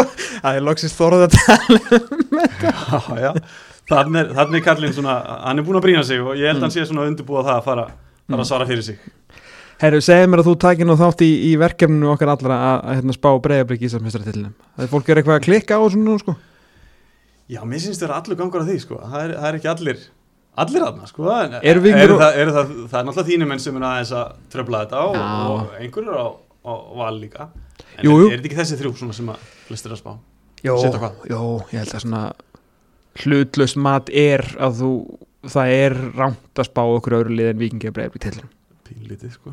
Bara ef við miður veitur, sko. Æ, Ég, er eiginlega sammála því, sko. Já, hvort bara ef að móti byrjar að klára út í dag hver, hver, er, hérna, hver er fyrir framann hver er fetunum fyrir framann Ég, sko, ef móti byrjar að klárast í dag Já, þá eru vikingandi betri. En ég, ég ætla samt að spá breyðablík tilli og ég, það er ekki til að taka þátt í ykkur með þér, það er að því ég held þér vinni. Nei, ég er bara að reyna að perra eins og ég get sko. Og partur af því að ég held þér vinni er að því ég er pínlítið sammála heimi sem við vorum að skjóta hans á náðan Já. að þeir eru loksins búin að koma fram og segjast ætla að vera meistarar. Þó- Sæðu samt ekki Ísak það bara óvart. Þó að Ísak hafi svona pínlítið mista út úr sér þá, þá held ég að hann hafi verið að koma upp það og, og svona koma út með það sem er rætt hann innan veggja. Já, ég horfði þeim bara Óskar hérna andvarpa í 28 mínútur við hötta hann á þriðudaginn sko. Já, ég horfði líka og hann svona, jú, jú, sagði því svona Æ, ég get ekki, ég myndi leika hann, það taka svo langan tíma, ég ánaði með hann karakter sem hann er búin að búa til, það er náttúrulega ógeðslega skemmtilega maður utanvallar og svo Já, já. fer hann í viðtól og þá bara allt í henni er Þorgir ástvaldsmættur hann svona næstu í sagðir að vera að stefna á tillin það væri eiginlega ekki annað hægt. Nei, nei. En hann steitt ekkert nefa og barði í borð sko. en já, En þú alltaf að meina að þeir, þeir, hérna, þeir vantarlega að tala um þetta sjálfur Já. þú veit að meina það, einni klefa eru þeir að stefna á þetta Já, ég trú bara ekki Nei. öru að það, það sé markmið þeirra og, Mm. og hérna já, eins og segi, ég held pínlítið að Ísaksnær hafi mist út sér en, en það segir mér samt sem að það að þeir eru að stefna á þetta og ég vil, ég vil sjá það fleiri koma út með að bara að segja það. ég skiptir samt ekki miklu meira máli hvað þeir, hverju þeir já, þeir þannig kannski líka látið fólki svolítið trúa sko. Já, það er akkurat málið og, og svona um leið og tilfinningar þínar og markmið eru komið svona einhvern veginn úti í kosmosin þá er miklu líklega að það gerir sko. þú getur ekki bara læst þetta einhver starfinn í herbyggi og, Mm. Hefur, hvað eru áhugirnar því við veitum alveg hver þeir eru góður í sko. þeir eru góður í öllu, spila besta boltan og góður í vörn og frábærar á miðunni og svona en, en hvað er svona, hvað miðun mögulega að fella á sko, úr toppsætinu náttúrulega blasir við að það eru farin 15 mörg í framhjörun tveimur. Mm -hmm. Átna og, og Mikkelsen. Mikkelsen. Ég, ég er bara neita að trúa því að markaskonu verði í vandamál hjá Breiðabík í sumar með að hvernig þeir voru fyrra. Hún er ekki verið að heldur á prísi sko. Nákvæmlega, þannig rétt á móti stjörninni Ég bara er ekki til í að hoppa á þann vagn að, að það vanti einhvern sérstakann framherja eða, það verði eitthvað vandamál. Nei. Þeir eru með lausnindar, getist enda skora nýjumörki fyrra og, og hann hefur verið sjóðandi heitur í, í sumar Hann er augljósa lausnin mm -hmm. en eins og hann spilar þá sér maður alveg fyrir sér að Gísli Eyjáls og, og fleiri geti leist þessa stöðu sem að, sem að geti að spila. Jú, þeir þurfa líka bara að gjöra svo að gera það. Eða alltaf að vera mestarar, þá þurfa alltaf menn að taka næsta skref.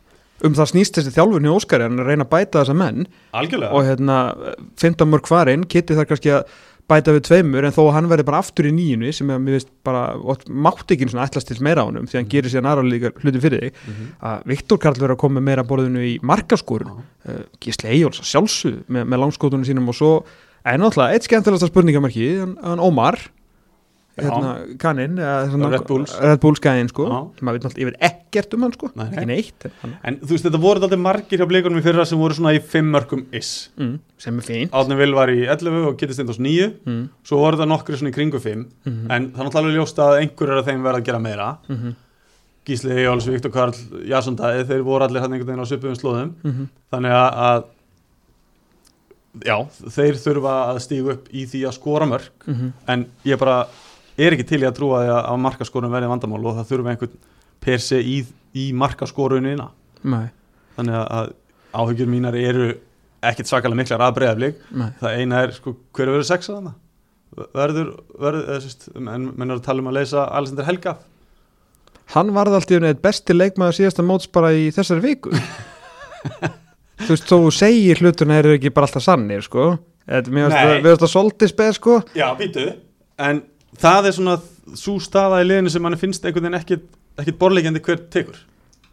Er það ekki Ísak? eða Er hann, Nei, nei, nei, hann verður ekki sexa þarna. Hann verður- fram hann verður fram hann er enda að geta alveg skora uh, já, já, ég meina, ég, eins og segi ég bara, maður hefur bara full trú á Óskari þetta sko. Ísak hefur, það sem ég hef séð og heyrt af það- Ísak hefur stundu spilað eina, eina fremstu stöðunum sko. Mhm. og það hafa jáfnvel verið hans bestu leikir sko. þannig að, að ég held að hann verði miklu nær markinu heldur en þetta svo margir þarna sem vilja vera nær markinu en, en ah, já, en þetta. einhverju verður að vera þessu. Dag, Dagur Dan hefur verið að spila þarna Oliver eitthvað verið að spila þarna. Anton Logi hefur verið að fá leiki annars standa sér vel. Já, þannig að, að það er ungur mjög spennandi mjög sko, flottum afturlendingu fyrir maður. Já, og, búin að spila býstna marga leiki í vetur Mhm. með, með blikunum. Að, að, hérna, hann geti alveg dottið inn í, í hlutverkana þeir þurfa bara að þóra þess þú veist, að að tala um þetta og vinna þetta skilur, það er er alveg rétt hjá þér. Bara, þú veist, það er eina leiðin til þess að sigrast á ótanum skilur, bara mæta honum. Þeir, þeir, Pínu. Þeir bara besti leikmann í breyðabliki basically fyrra klúraði vítið að því hann dró ekki andan miðum bara við bjarga en veist, það var bara, það var þess að skildu milli. Já, já, meiri þess að þáttur að Þorvaldur reyndi að, veist, að gefa þeim titilinn þegar káringandi fýbluðan upp úr skónum og hann fór að væla. Að, veist, þeir veist, það var allt reynd en samt, unnuður ekki, hann að alltaf, ég byrði þeirra Þorvaldur ringi herru, ok, við hérna, ég þarf að fara að sleppa þér en auðvitað, náttúrulega, þú vartu neða, þú ert ekki að spá vikingu tillin, takk fyrir það. En hérna, en þú, uh, þeir eru samt líklegir.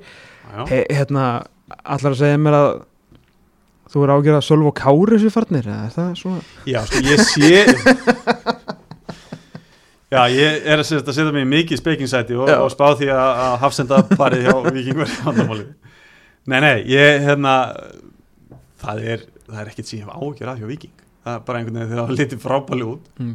Og- Þar er reynda núna alveg á, já ok, þeir voru reynda án margra manna mútið FA mjög margra. Mjög margra. Og svo töpuður hann á Tyrklandi fyrir einhver liði sem ég hef aldrei hirtum en ég veit ekkit hvað er að marka leiki í æfingarferðum sko. Menn búin að spila mikið golf og svona sko. einhverju æfa svolítið og eitthvað. Sko, það sem ég hef ágjör af er ekki, veist eh, hérna, ég hef ágjör á fótbollinu getu, ekróð og kælum að klakkan okay. og þeir eru ekki sterkir á boltan þegar þeir spila saman tveir. Mm uh, það er alveg klart þannig að Haldur Smári held ég að verði alltaf fyrsti maður og blað þarna og svo fara annarkor þeirra að leika sér með honum. Ekróð þannig alltaf búin að vera utan bolta í svolítinn tíma og hann er alltaf gríðalög skrokkur og hann hefur verið bara svona þú veist, þú sé, hann er fyrir úr ofan hann í standi en eins og þú veist náttúrulega miklu betur heldur en ég, það er náttúrulega alltaf annað en að líta vel út á, á mynd heldur en að spila sér 90 myndir af fótbolt en ég trúi að hann komist í gang, hann er mikill fagmaður og allt það sko, en hann svona það hefur svona aðeins vantað upp á hérna, standið í honum og þeir eru ekki sterkir á boltan saman en þeir eru góður að verjast. Og annars er ég bara annars er ég bara ágættur sko. Já.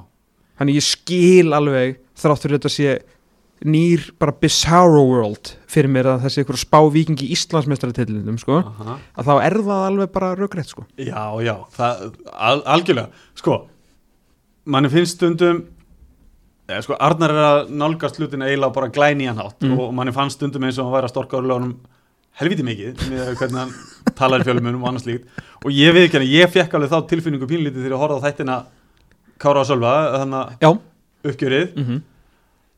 Þá var svona, já ok, þetta var semst bara að vera korter þessi, þessi velgengni, mér fannst þetta var svo mikið tilfinninga klám, ef maður sletta Mm -hmm. en þe- þeir hafa bara fyllt þessu eftir. Þetta, það er ekkert sem betur til þess að þetta sé eitthvað eitanættu gaman og, og Mhm. partíð sé bara búið hjá þeim.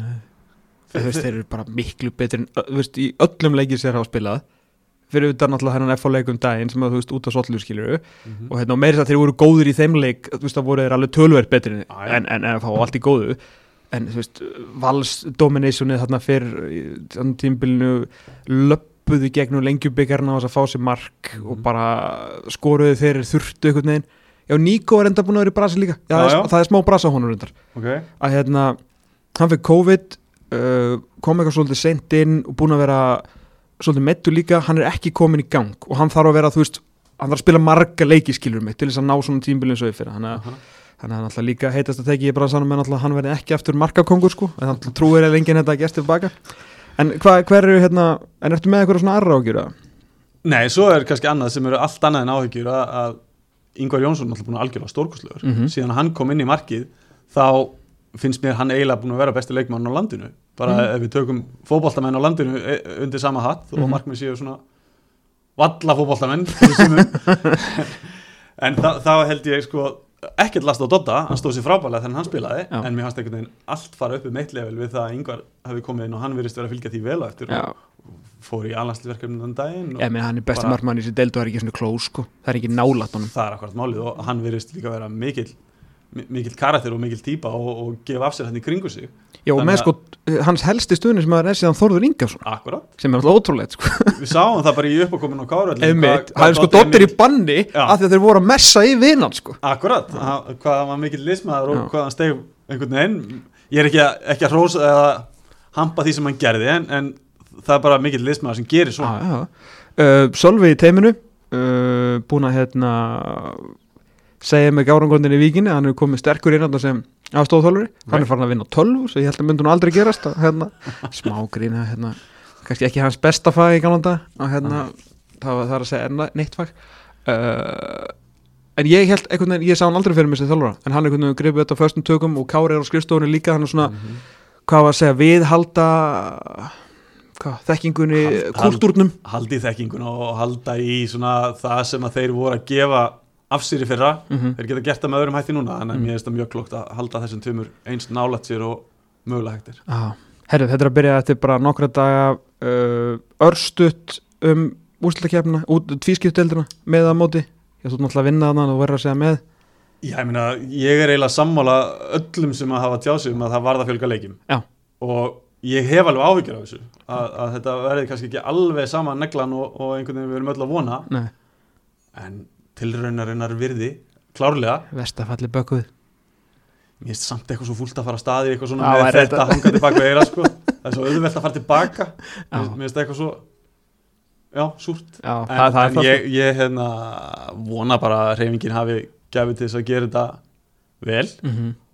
og ef það kemur til þess að þurfa að fara tilbaka einhvern tíðan þá, þá finnst mann einhvern veginn tíu lið og, og þrjöföld umferð vera það sem öskar á mann. Mm þó svo það verði einhverju tveir sem fá ekki með á ballið á hverju ári þá er það bara reyfingunni fyrir bestu.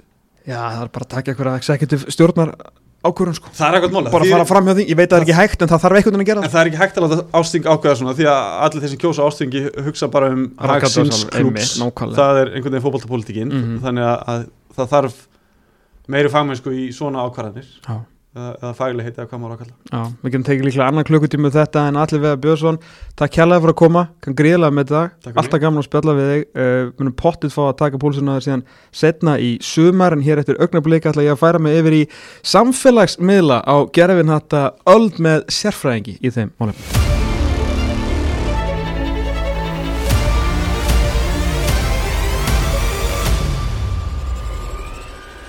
Í setni hluta af þessa óvenjulega útvars þáttar eh, ætlum við að tala um, eh, ætlum við að fara okkur út fyrir völlinu, ætlum að fara á samfélagsmiðlana og hvað félagin geta gert betur þar. Þetta er, það eru nýjur tímar í íslenskum fótbolta, búið að rýbranda deildina og við erum að reyna að færa okkur upp á næsta skref í, já, eiginlega helst á öllum sviðum. Ætlum að reynda að byrja á því að geta eitthvað meir í fótbolta og koma okkur upp úr rustfloknum en það er svo margt um að tala og við náttúrulega alltaf að elska það að vera svona aðeins fyrir utan völlin líka og eh, samfélagsmiðlar það sem heimurinn snýst um í dag frægustu menn og konur á jörðinni eru TikTok stjörnur og einhverju svona hlutir sem að maður svona, fer að slá í færtutur einu voru skilur ekki. Við bjóðum aðeins upp á bestu sérfræðingana og til minn er komin fyrirhandi leikmaður Breiðabliks og leiknis afskaplega öflug leikmaður endar á sínum tíma. Elva Páll Sigursson heitir hann, er núna starfandi markastjóri menn end mæs og var áður uh, hjá um, auðlýsingarstofunni Pipar TPFA. Þekkir þessi mál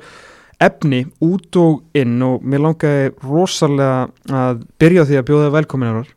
Já, takk hjá fyrir það. Takk fyrir komina, uh, gaman að fá þig og við ætlum aðeins svona sko að fara yfir þetta rýbrand til að byrja með, auki byrja kannski bara þar árun að færum og ykkur hérna yfir í, í félagin, hvað hérna, hvað finnst hvað finnst markaðsmanninum uh, elvari um, um hérna bara um bestu deildina?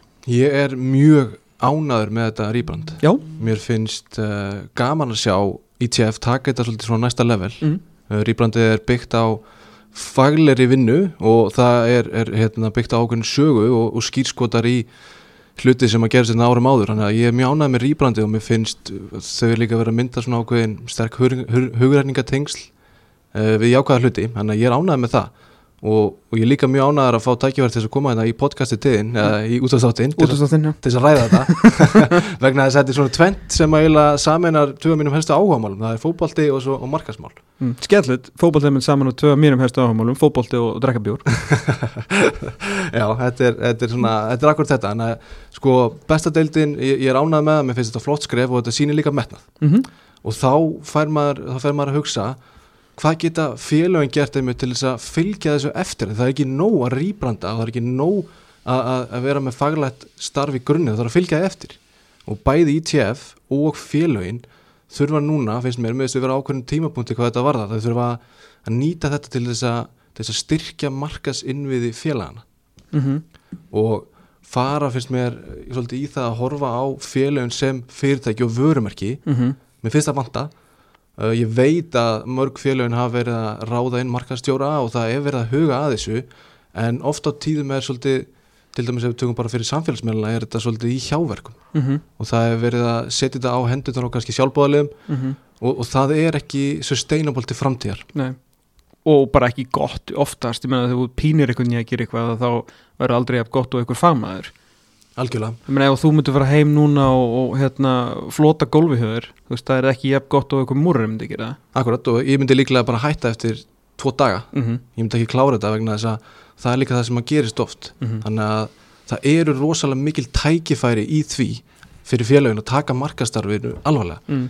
og ofta tíðin finnst mér eins og sé horta á þetta svolítið eins og þessi kostnaður Mm. Og fyrir- föð og kvöð, kostnaður og kvöð og kannski pínu flókið mm. en fyrir mér er þetta bara pjúra fjárfesting þetta er fjárfesting fyrir bæði félagin þetta er fjárfesting fyrir fótboltan innanlands Mm.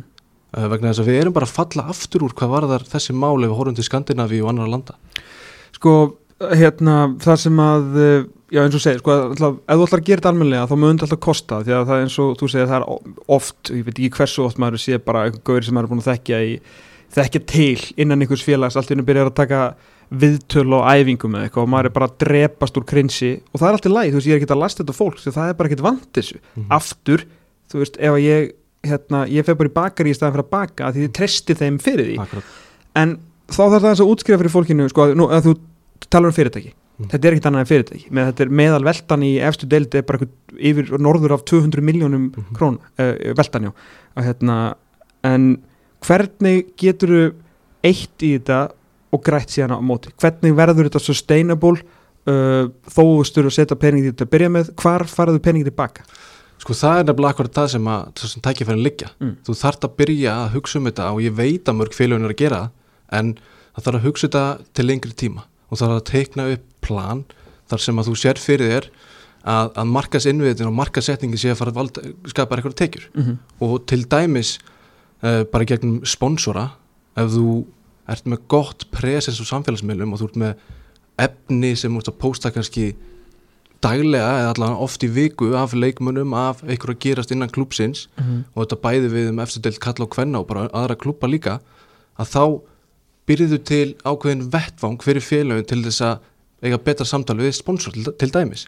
Og þú getur verið með kannski tvöfald fyrir sponsora og þeir finna meira virði í því að vera að sponsora klubin vegna þess að þeir fá eitthvað í staðin Mhm. þeir fá sínileikan, þeir fá hérna margt sem að sem að þau fá ekki í dag. Í dag kannski er þeir að fá, kaupa logo framan á æfingabúnað en það þarf að hugsa í starra samengi mm. -hmm. þarna til þess getur fengið peningin um, með því að vera með sterkar samfélagsmeil og sterkt markastar þá farið fleira völlin það er klárt mál, mm þú getur selt fyrir treyjur, þú gerir meira úr leikmunum félagana, þú, þú býr til ákveðna svona þú veist, um, þú býr til bara já, stærri leikmenn sem er gott fyrir bæði bara almenning sem hefur áhuga á fótbolta en líka ungt fólk sem horfir upp til þessar aðela -hmm. og, og, og klúbarnir virka líka sem forvarnastarf að því leiti og þú veist það er, það er fjölmart sem að þú getur fengið í staðinn með því að vera með öflugt markastarf og gera þetta almennilega Sko, við erum alltaf að, setja Instagram post bara,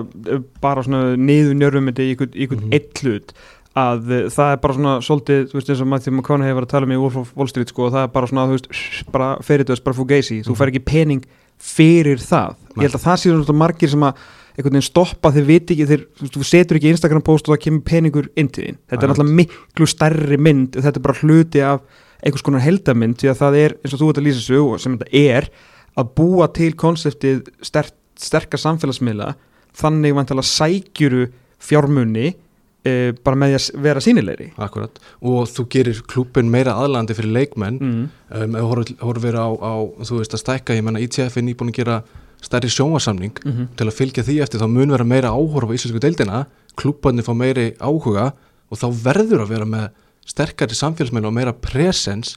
Þannig að þú horfir til Íslands og segir, heyrðu, tökum sem dæmi val, valur er að velta mörgundur miljónum, Mhm. þeir eru að nóan pening. Mm þeir eru að borga leikmannum ég meina eina til tvær miljónur á mánuði einhverjum. -hmm. og þetta eru leikmenn sem eru að koma heim á besta aldri ef við tökum sem dæmi Hólmar og Aron.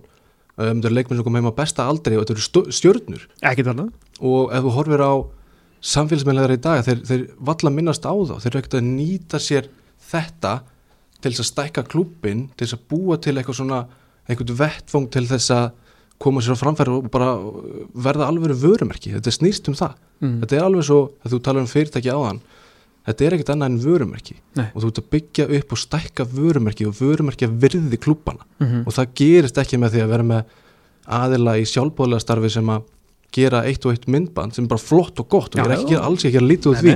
en þú verður að ráða inn þá aðila mögulega sem að þá búa til efni fyrir því, content um, myndbönd og þú póstar á samfélagsmiðla og svo með tíman þá verður þetta stærra og stærra og klúbarnir verða veist, þeir, þetta, er rosalega virði fyrir klúbana Já.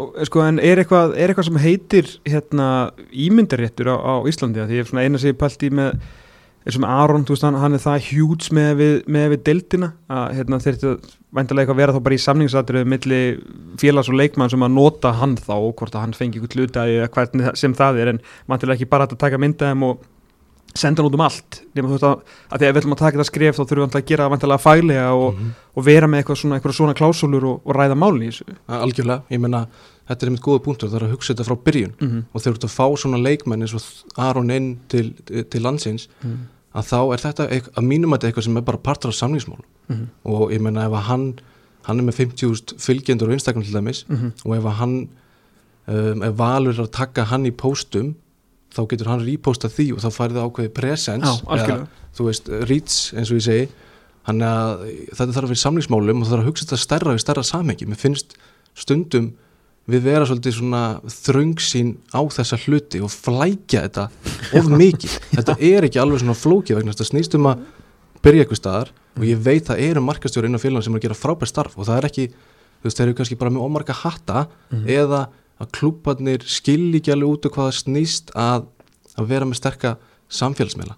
Ég meina eitt dæmi um þetta, eins og Andrea Rán var að flytja sig yfir í félagi Mexiko, Já, Amerika Klub Amerika Klub Amerika, já, og hún fór úr 4.000 fylgjendum í 112.000 fylgjendur. Já, alveg Já, og það er vegna þess að klubburinn er með rosalegt bara uh, hérna, engagement á samfélagsmiðlum. Þeir gera mikið, þeir posta þrís ára dag um, og Andrea hún græður á því, hún stækkar sem leikmaður, Mhm. hún stækkar sem brand sjálf og þetta er rosalegt virðið sem hún fær frá klubnum bæði fyrir það að skrifa undir og líka bara að vera partur af því og mér finnst líka þú veist, leikmennina heima þetta gleymist oft á tíðum að, að þetta skiptir leikmenn líka máli að þú Mhm. verður að koma sjálfur að þessu framfæri mm -hmm.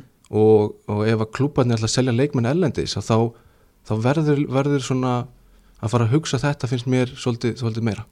Og náttúrulega líka því að nú er verið að fara að sína bestudildina uh, viðsvegur um heiminn hérna með hérna, Eleven Sports, ég man ekki hvað heitir hérna streymir þjónustæði ykkur, ykkur fullt af löndum fyrir utan veist, betting sjónvarpu og allt það. Þannig að það er rosalega margir sem að geta fylst með, með efstudildin okkar, bestudildinni og uh, það er náttúrulega til rosalega mikið af nötturum mm -hmm. í, sem betur fyrr, þú veist bara að hafa áhuga á alls konar alls konar deildum Alkjörn. þannig að ef þú allar, ef þú ert bara einhver maður í, í eitthvað staðar í Östöldum fjæri eða eitthvað sem að dettur inn á okkur leik með, með FA og þið vist bara geggju treyja og þið langar bara að kaupa hana og þú fyrir að reyna að elda þetta uppi á, á FA heimasinu, hvað sé FA fram, IBFK það skiptir einhver máli hvað liði heitir sko, mm -hmm. að, að þá svona einmitt hlýtur að vera mikilvægt ef að menna þetta líka kannski mögulega í framtíðin að fara að sækja tek, tekjur út fyrir landstennina eins og ITF er að gera sko, þú veist þannig af hverju ættu félagin ekki geta náð sér í einhverja krónur að það þessi sterkir þessi auðvelt að finna þá mm -hmm. auðvelt að fá vöruna mm -hmm. og, mhm. bara, og, og þegar að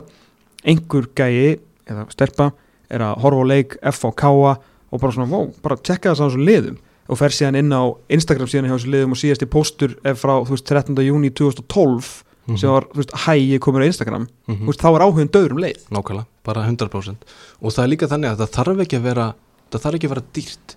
Veist, við erum ekki að tala um að vera, ég er ekki að byggja klúbana um að fara að setja ykkur miljónur í þetta. En þú fyrst og fremst að hugsa þetta frá grunni finna leiðir, það eru fullt af tækifærum sem hægt er að fara og gera. Og það er líka að hugsa þetta lengri tíma. Þannig að við hugsaum, horfum, veist, eftir tvö ár horfum tilbaka og allt henni sérðu val og breðablik og FA og KR bara komið með alvöru samfélagsmiðla strategi og stefnu til dæmis mm. og þeir eru að framlega myndbönd og myndir og þegar nýji leikmenn koma þá bara, þú veist hvað gerist veist?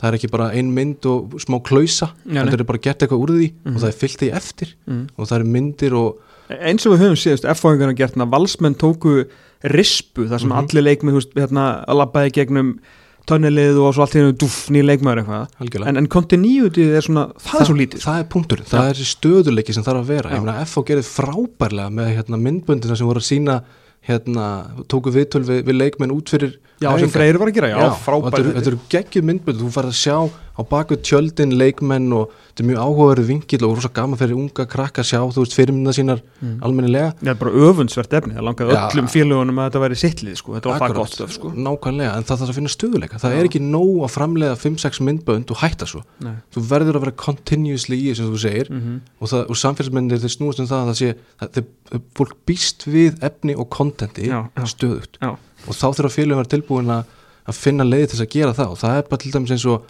að ráða inn einstaklinga það þarf ekki að vera dýrt. Nei. með einstakling kannski sem er mjög færi því að gera myndbönd og hann mætir á æfingar hann tekur upp eitthvað myndbönd.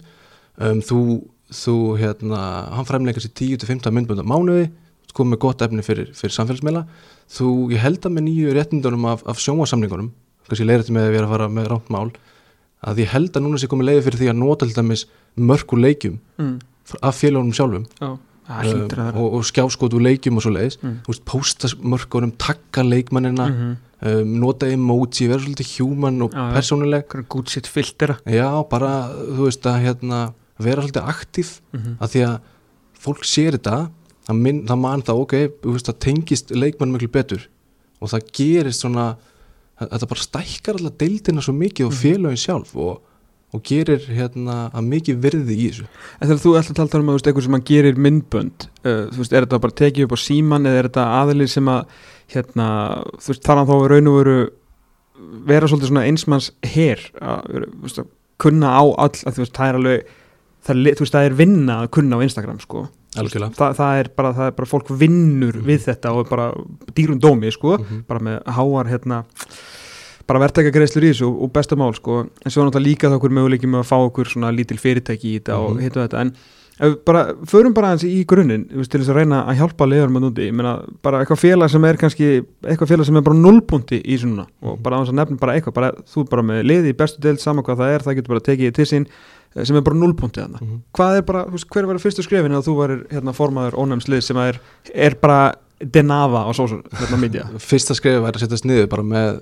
með klubnum og teikna upp bara plan fyrir sísonið, mm. hvað ætlum við að gera? Hvernig efni ætlum við að framlega hvað eru áhugaverið vinklar? Hvaða leikmenn eru áhugaverðið svona innan félagsins til þess að vera kannski andlit og hvað eru þeir tilbúinir að gera? Um, og svo myndi ég fara og finna eins og þú segir, aðila sem að hjálpa okkur í þessu, sérfræðinga kannski í því að framlega myndbönd Mhm. og Er þetta að ráða hérna bara veist, sem er í, í fleiri verkefnum, bara einhvern á stofu eða reynir að finna þér bara einhvern sem að vinnu fyrir þig það er allur gangur á því Já, það getur líka skiptir ekki öllu máli kannski Nei, aðalega, þú veist, það getur líka verið eitthvað innan um félagsins en það þá að vera skilningur á því að þetta er hans hlutverk og hann getur ekki verið með þúsund hatta Nei. hann þarf að dedikata sig í það verkefni Mhm. og það er kannski oft á tíðum finnst mér vandamálið Mhm. að það er ekki svona bara ok, nú ætlum við að gera þetta við ætlum að fylgja þessu eftir þú sérðum samfélagsmiðlun okkar og þú færð þetta budget í það mögulega Mhm. og, og hérna og svo á næsta ári tökum við næsta skref þannig að við byrjum ekki af stort við bara byrjum aðeins og í dag finnst mér eins og mörg fylgjum eru bara algjörn núlpunkti Mhm. þannig að það er að byrja, byrja að búa okkar til og það eru ýmsa leiðir að fara í því ég myndi sjálfur setjast niður og, og bara teiknum, teiknum árið, teiknum planið og reyna að finna leið til að gera þetta sustainable. Mm. félagin er að fá okkur að norður af, af hérna, þú veist, 12 miljónar sem eru að var að fá skilur fyrir að vera í deildinu rótnar 23 ár, 4 eða eitthvað. Með okkur strax bara eyrnamert. Meina, hva, hvað er raunhaft uh, 600 kall fyrir sumarið, ish, veist, bara hugsa um meina, hva- hvað er, hvað heldur þú þetta kosti? Meina, bara, það er bara algjörlega eftir hvað þú vilt gera. Um, ég menna stærri klúbandi fyrir mér ætti að vera að eyða eins meira í það. Mm en fyrir mér, ég tala ekki um að eyða vegna þess að þetta er fjárfesting. einmitt, þú veist, þú færði þetta, þú myndir fá þetta tilbaka bara í formi eh, sponsorshipa, -hmm. af því að þú getur búið til koncept með, með hérna sponsorum, Mm -hmm. fengið á til þess að borga þá meira, eða þá bara þú veist, þeir sjá miklu meira virði í því. Og það er bara allur gangur á því. Þú veist, Mhm. þú getur, þú getur byrjað á því að vera með nokkur hundur úr skall og svo sé hvað það skila þér og svo getur þú byggt ofan á það Mhm. en fyrst og fremst að vera með faglegt starf og skilning á því hvað samfélagsmiðlanir og bara markastarf og nálgast félagið eins og vörumerki Mhm. gefur tilbaka þú veist, ég er búin að vera í svona blaða mér bara svona vissilega lengi en í, í svona sjómasbransan með einhverja sjómastættir núna í, í fimm ár og þú veist, ég veit alveg að hérna, veist, með svona eins og sponsa, skilur, að þeir vilja náttúrulega vera eðlilega, vilja vera sínilegir í kringum vöruna sem að þeir eru að, að hérna, styðja við bakið á og þeir eru svolítið svona að, að tjóðra sig við.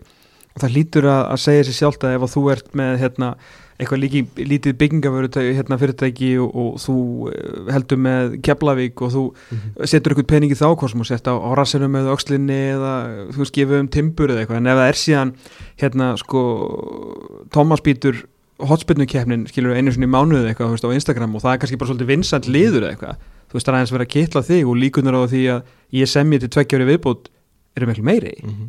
af því að ég er hluti, ég er hann hlutafélaginu ég er ekki bara að setja pening og fáir, þú veist, kaff og kannles nú þegar ég mæti, sko. akkurat nákvæmlega, það er akkurat þetta og ef við setjum þetta líka núna í samingið þar núna eru hvað, nýju dagar í deild eða stutt í mót Mm. og já, ég held að enginn á klúbunum sem byrjuð að hita upp fyrir mótið til dæmis með því að kynna leikmyndileiks Leiknir aðeins á Instagram sig, þetta, er svona, ma- þetta er svo lítið, maður getur bara talið þetta upp, sko. Já, ok, það er aðalega þegar kóturlegt er kvöld á föstudaginn, þannig að það er gýr í mannum, sko. Já, já, það er stemming Ég sá, það er, er eitthvað húlum hægja blikunum bráðum og svo leis Já. en, en svona heilt yfir, þá er lítið gangi það er lítið, þú er lítið varveit á samfélagsmiðlum fyrir utan hjá vefmiðlunum og, og sjónvarpunum Mhm.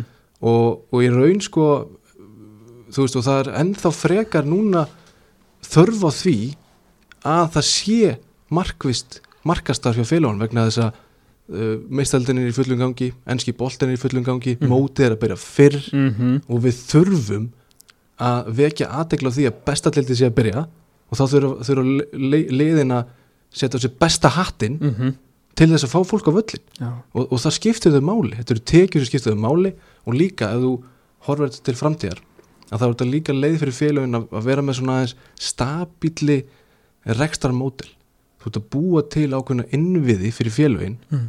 ákveðin plattform til þess að geta þú veist gert ímsa hluti og eiga auðvöldar með að selja leikmenn út eða fá leikmenn til þín eins og við erum búin að tala um Mhm. og allt þetta, það er svo margt í þessu Þú getur náttúrulega líka, þú veist, einmitt, þessi klassísku myndbönd sem maður séð frá Skandinavíu fylgjónum og allstar annstar með hérna, þú veist, leikdagurinn á 40 sekundum og þú veist, þú getur náttúrulega að feika það eins og þú vilt, sko. Það er myndböndur allt, það er alltaf eins og það verið geggja á vellinum, sko. já, já. En það er náttúrulega líka borast inn í höfuð á fólki bara, herru, ég mista síðasta leik og þú veist, það var hérna þú veist, gútsitt hoppukastali og eitthvað, þú veist, bara, herru þú veist, þetta er svona smám saman síjast inn, sko. Alveg ástæði fyrir því að, að samfélagsmiðlar eru orðnir, sko, trilljarða hugmynd, sko. Já, algjörlega, og fólk, ég meina 99% af fólki er á samfélagsmiðlum. Þannig að þarna er hópurinn og þarna er tækifæri fyrir klúbana um þetta að gera eitthvað og ég meina ég er mikil bliki, Mm. bara elska bregðarblik og ég er honum hrikalega spenntur fyrir, fyrir tímabilinu Mhm.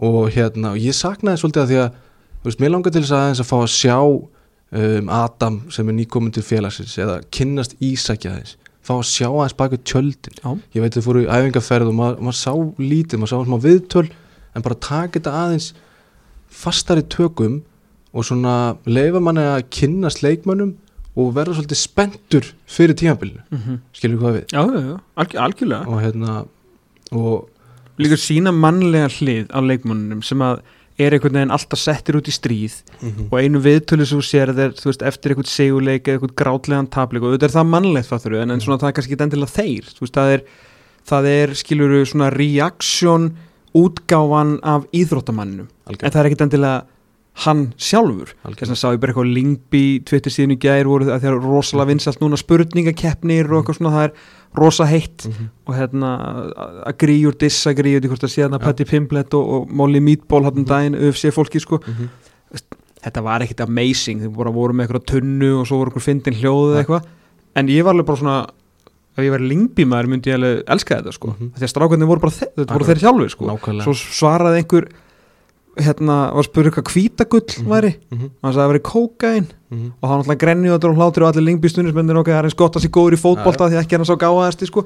því tenging allt inni bara við mannin býr til umtal, þú býr til engagement við stuðningsmenn Mm. og efni, efni sköpun bara yfir höfuð, það þarf ekki alltaf að vera fullkomi myndband, Nei. en það er bara svo mikilvægt að það sé verið að pósta því og, og ég veit að veist, það eru fullt af klubum sem eru að huga þessu og hafa gert ekki um tíðina, það er alls ekki máli það er bara að gera þetta svona st- stöðugra og ég veit til dæmis að FH núna er að undirbúa eitthvað eitthvað skemmtilegt, okay. en fyrir mig svolítið og veist, ég hefði viljað sjá núna félögum vera að vinna núna markvist allt þetta ár mm -hmm. í því að gera mig styrla spenntan fyrir tíðanbelilu Já. að því að það er verið að rýbranda deildina, Mhm. það er svona aukin áhuga ennlendis frá að fullt af flottum leikmenn að koma heim þetta er sko, veist það er mjög skemmtilegi hlutir í gangi og, og þá svona finnst mér svolítið, svo já, svolítið leðilt að horfa, horfa á það að það sé ekki verið svona nýta þessi tækifæri sem eru til staðar og það sé svona verið að hugsa til lengri tíma Mhm.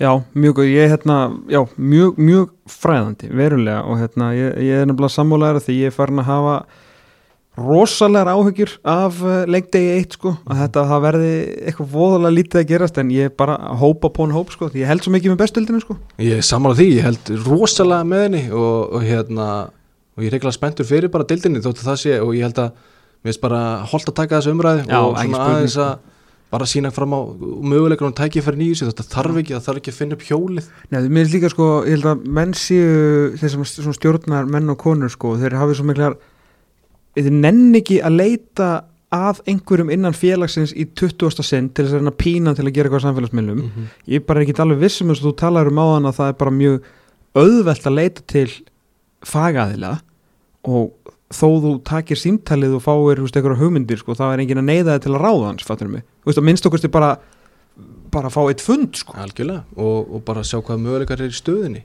og ég held að ég var nú að skoða eins ásreikningana hjá félagunum um daginn og ég held að Káar hafa eina liði sem að listaði út eitthvað markaskostna og það var 300 skall af 300 miljonar krónar veldu það er ekki mikið. Nei, nei, það er Og- sko eitthvað. Það, það er allan að eiga og, það, það er líka ekki alltaf að vera þú veist, rosalega kostnar það er punkturum minn. Já, það, það er aðalega að dedikita sig á þetta og skilja, aftur, ég er búin að segja þetta oft í Já, þessu já, en- viðtali en þetta er bara svona það snýst um þetta. þetta snýst um þetta, þetta snýst um að, félögin uh, fari að, nota samfélagsmiðluna sterkar uh, og fara að takka leikmenn leikmenninni fara að græða á því og svo ég tala nú ekki um leikmenn sem er að koma heim og eru með stort presens á samfélagsmiðlum að það sé ekki vera að svona aðeins að að fá að nýta á já, og e, hérna, svona, En þegar þú segir samfélagsmiðla uh, í flirtölu er samt ekki bara eitt sem að blífa í dag þannig, eða þú veist, er það Instagram eða? Nei, nefnilega ekki, ég meina Facebook Facebook er hún, 90 hún er alveg góð og gild, gamla Já, ég- farsbókina 90% af Íslandingum er, er á Facebook og ég meina til dæmis að tökum pappa minn sem dæmi sem Já. er sko harður bliki Já. hún er að vera fylgjast með bregðarblíkinu 20-30 ár og ég var Ok. bara að tala um hann síðast í hádeginu ok, vorum að ræða þessi tímabili framöndan og vorum að ræða Höskuld Gunnlaugsson og hvað hérna hvað hérna okkur lítið vel á þetta og, og hann svona þú veist, hann er á Facebook að vísu gegnum mömmu svona stundum en, en hérna þú veist, hann valla vissi hvenær fyrsti leikur var þannig sér Ah, skilur mér finnst það og, það er út af því að umtalið búið lítið og hann var að spyrja út í Ísak og, og hann spyrir mig alltaf út í alla leikmenn sko og svona hvernig hann væri og, og ég sagði bara, vá, ég var til í aðeins að fá innsýn inn í þetta. Mhm. bara alveg svo skoða hvaða lið sem er ellendis frá, Skandinavia um, og Ítalía og allt þetta, þú veist, það er er, þetta er í algjörnum for, forgrunni hjá þessu félögum. Mm Gekjað, Elvar, takk kjærlega fyrir komuna, ríkilega gaman að fá þig, mjög fræðandi og fróðlegt og, og vonandi, ég ætla, ég ætla að vona að fá ykkur símtöl núna bara eftir þetta, þegar annað eins hefur nú gerst.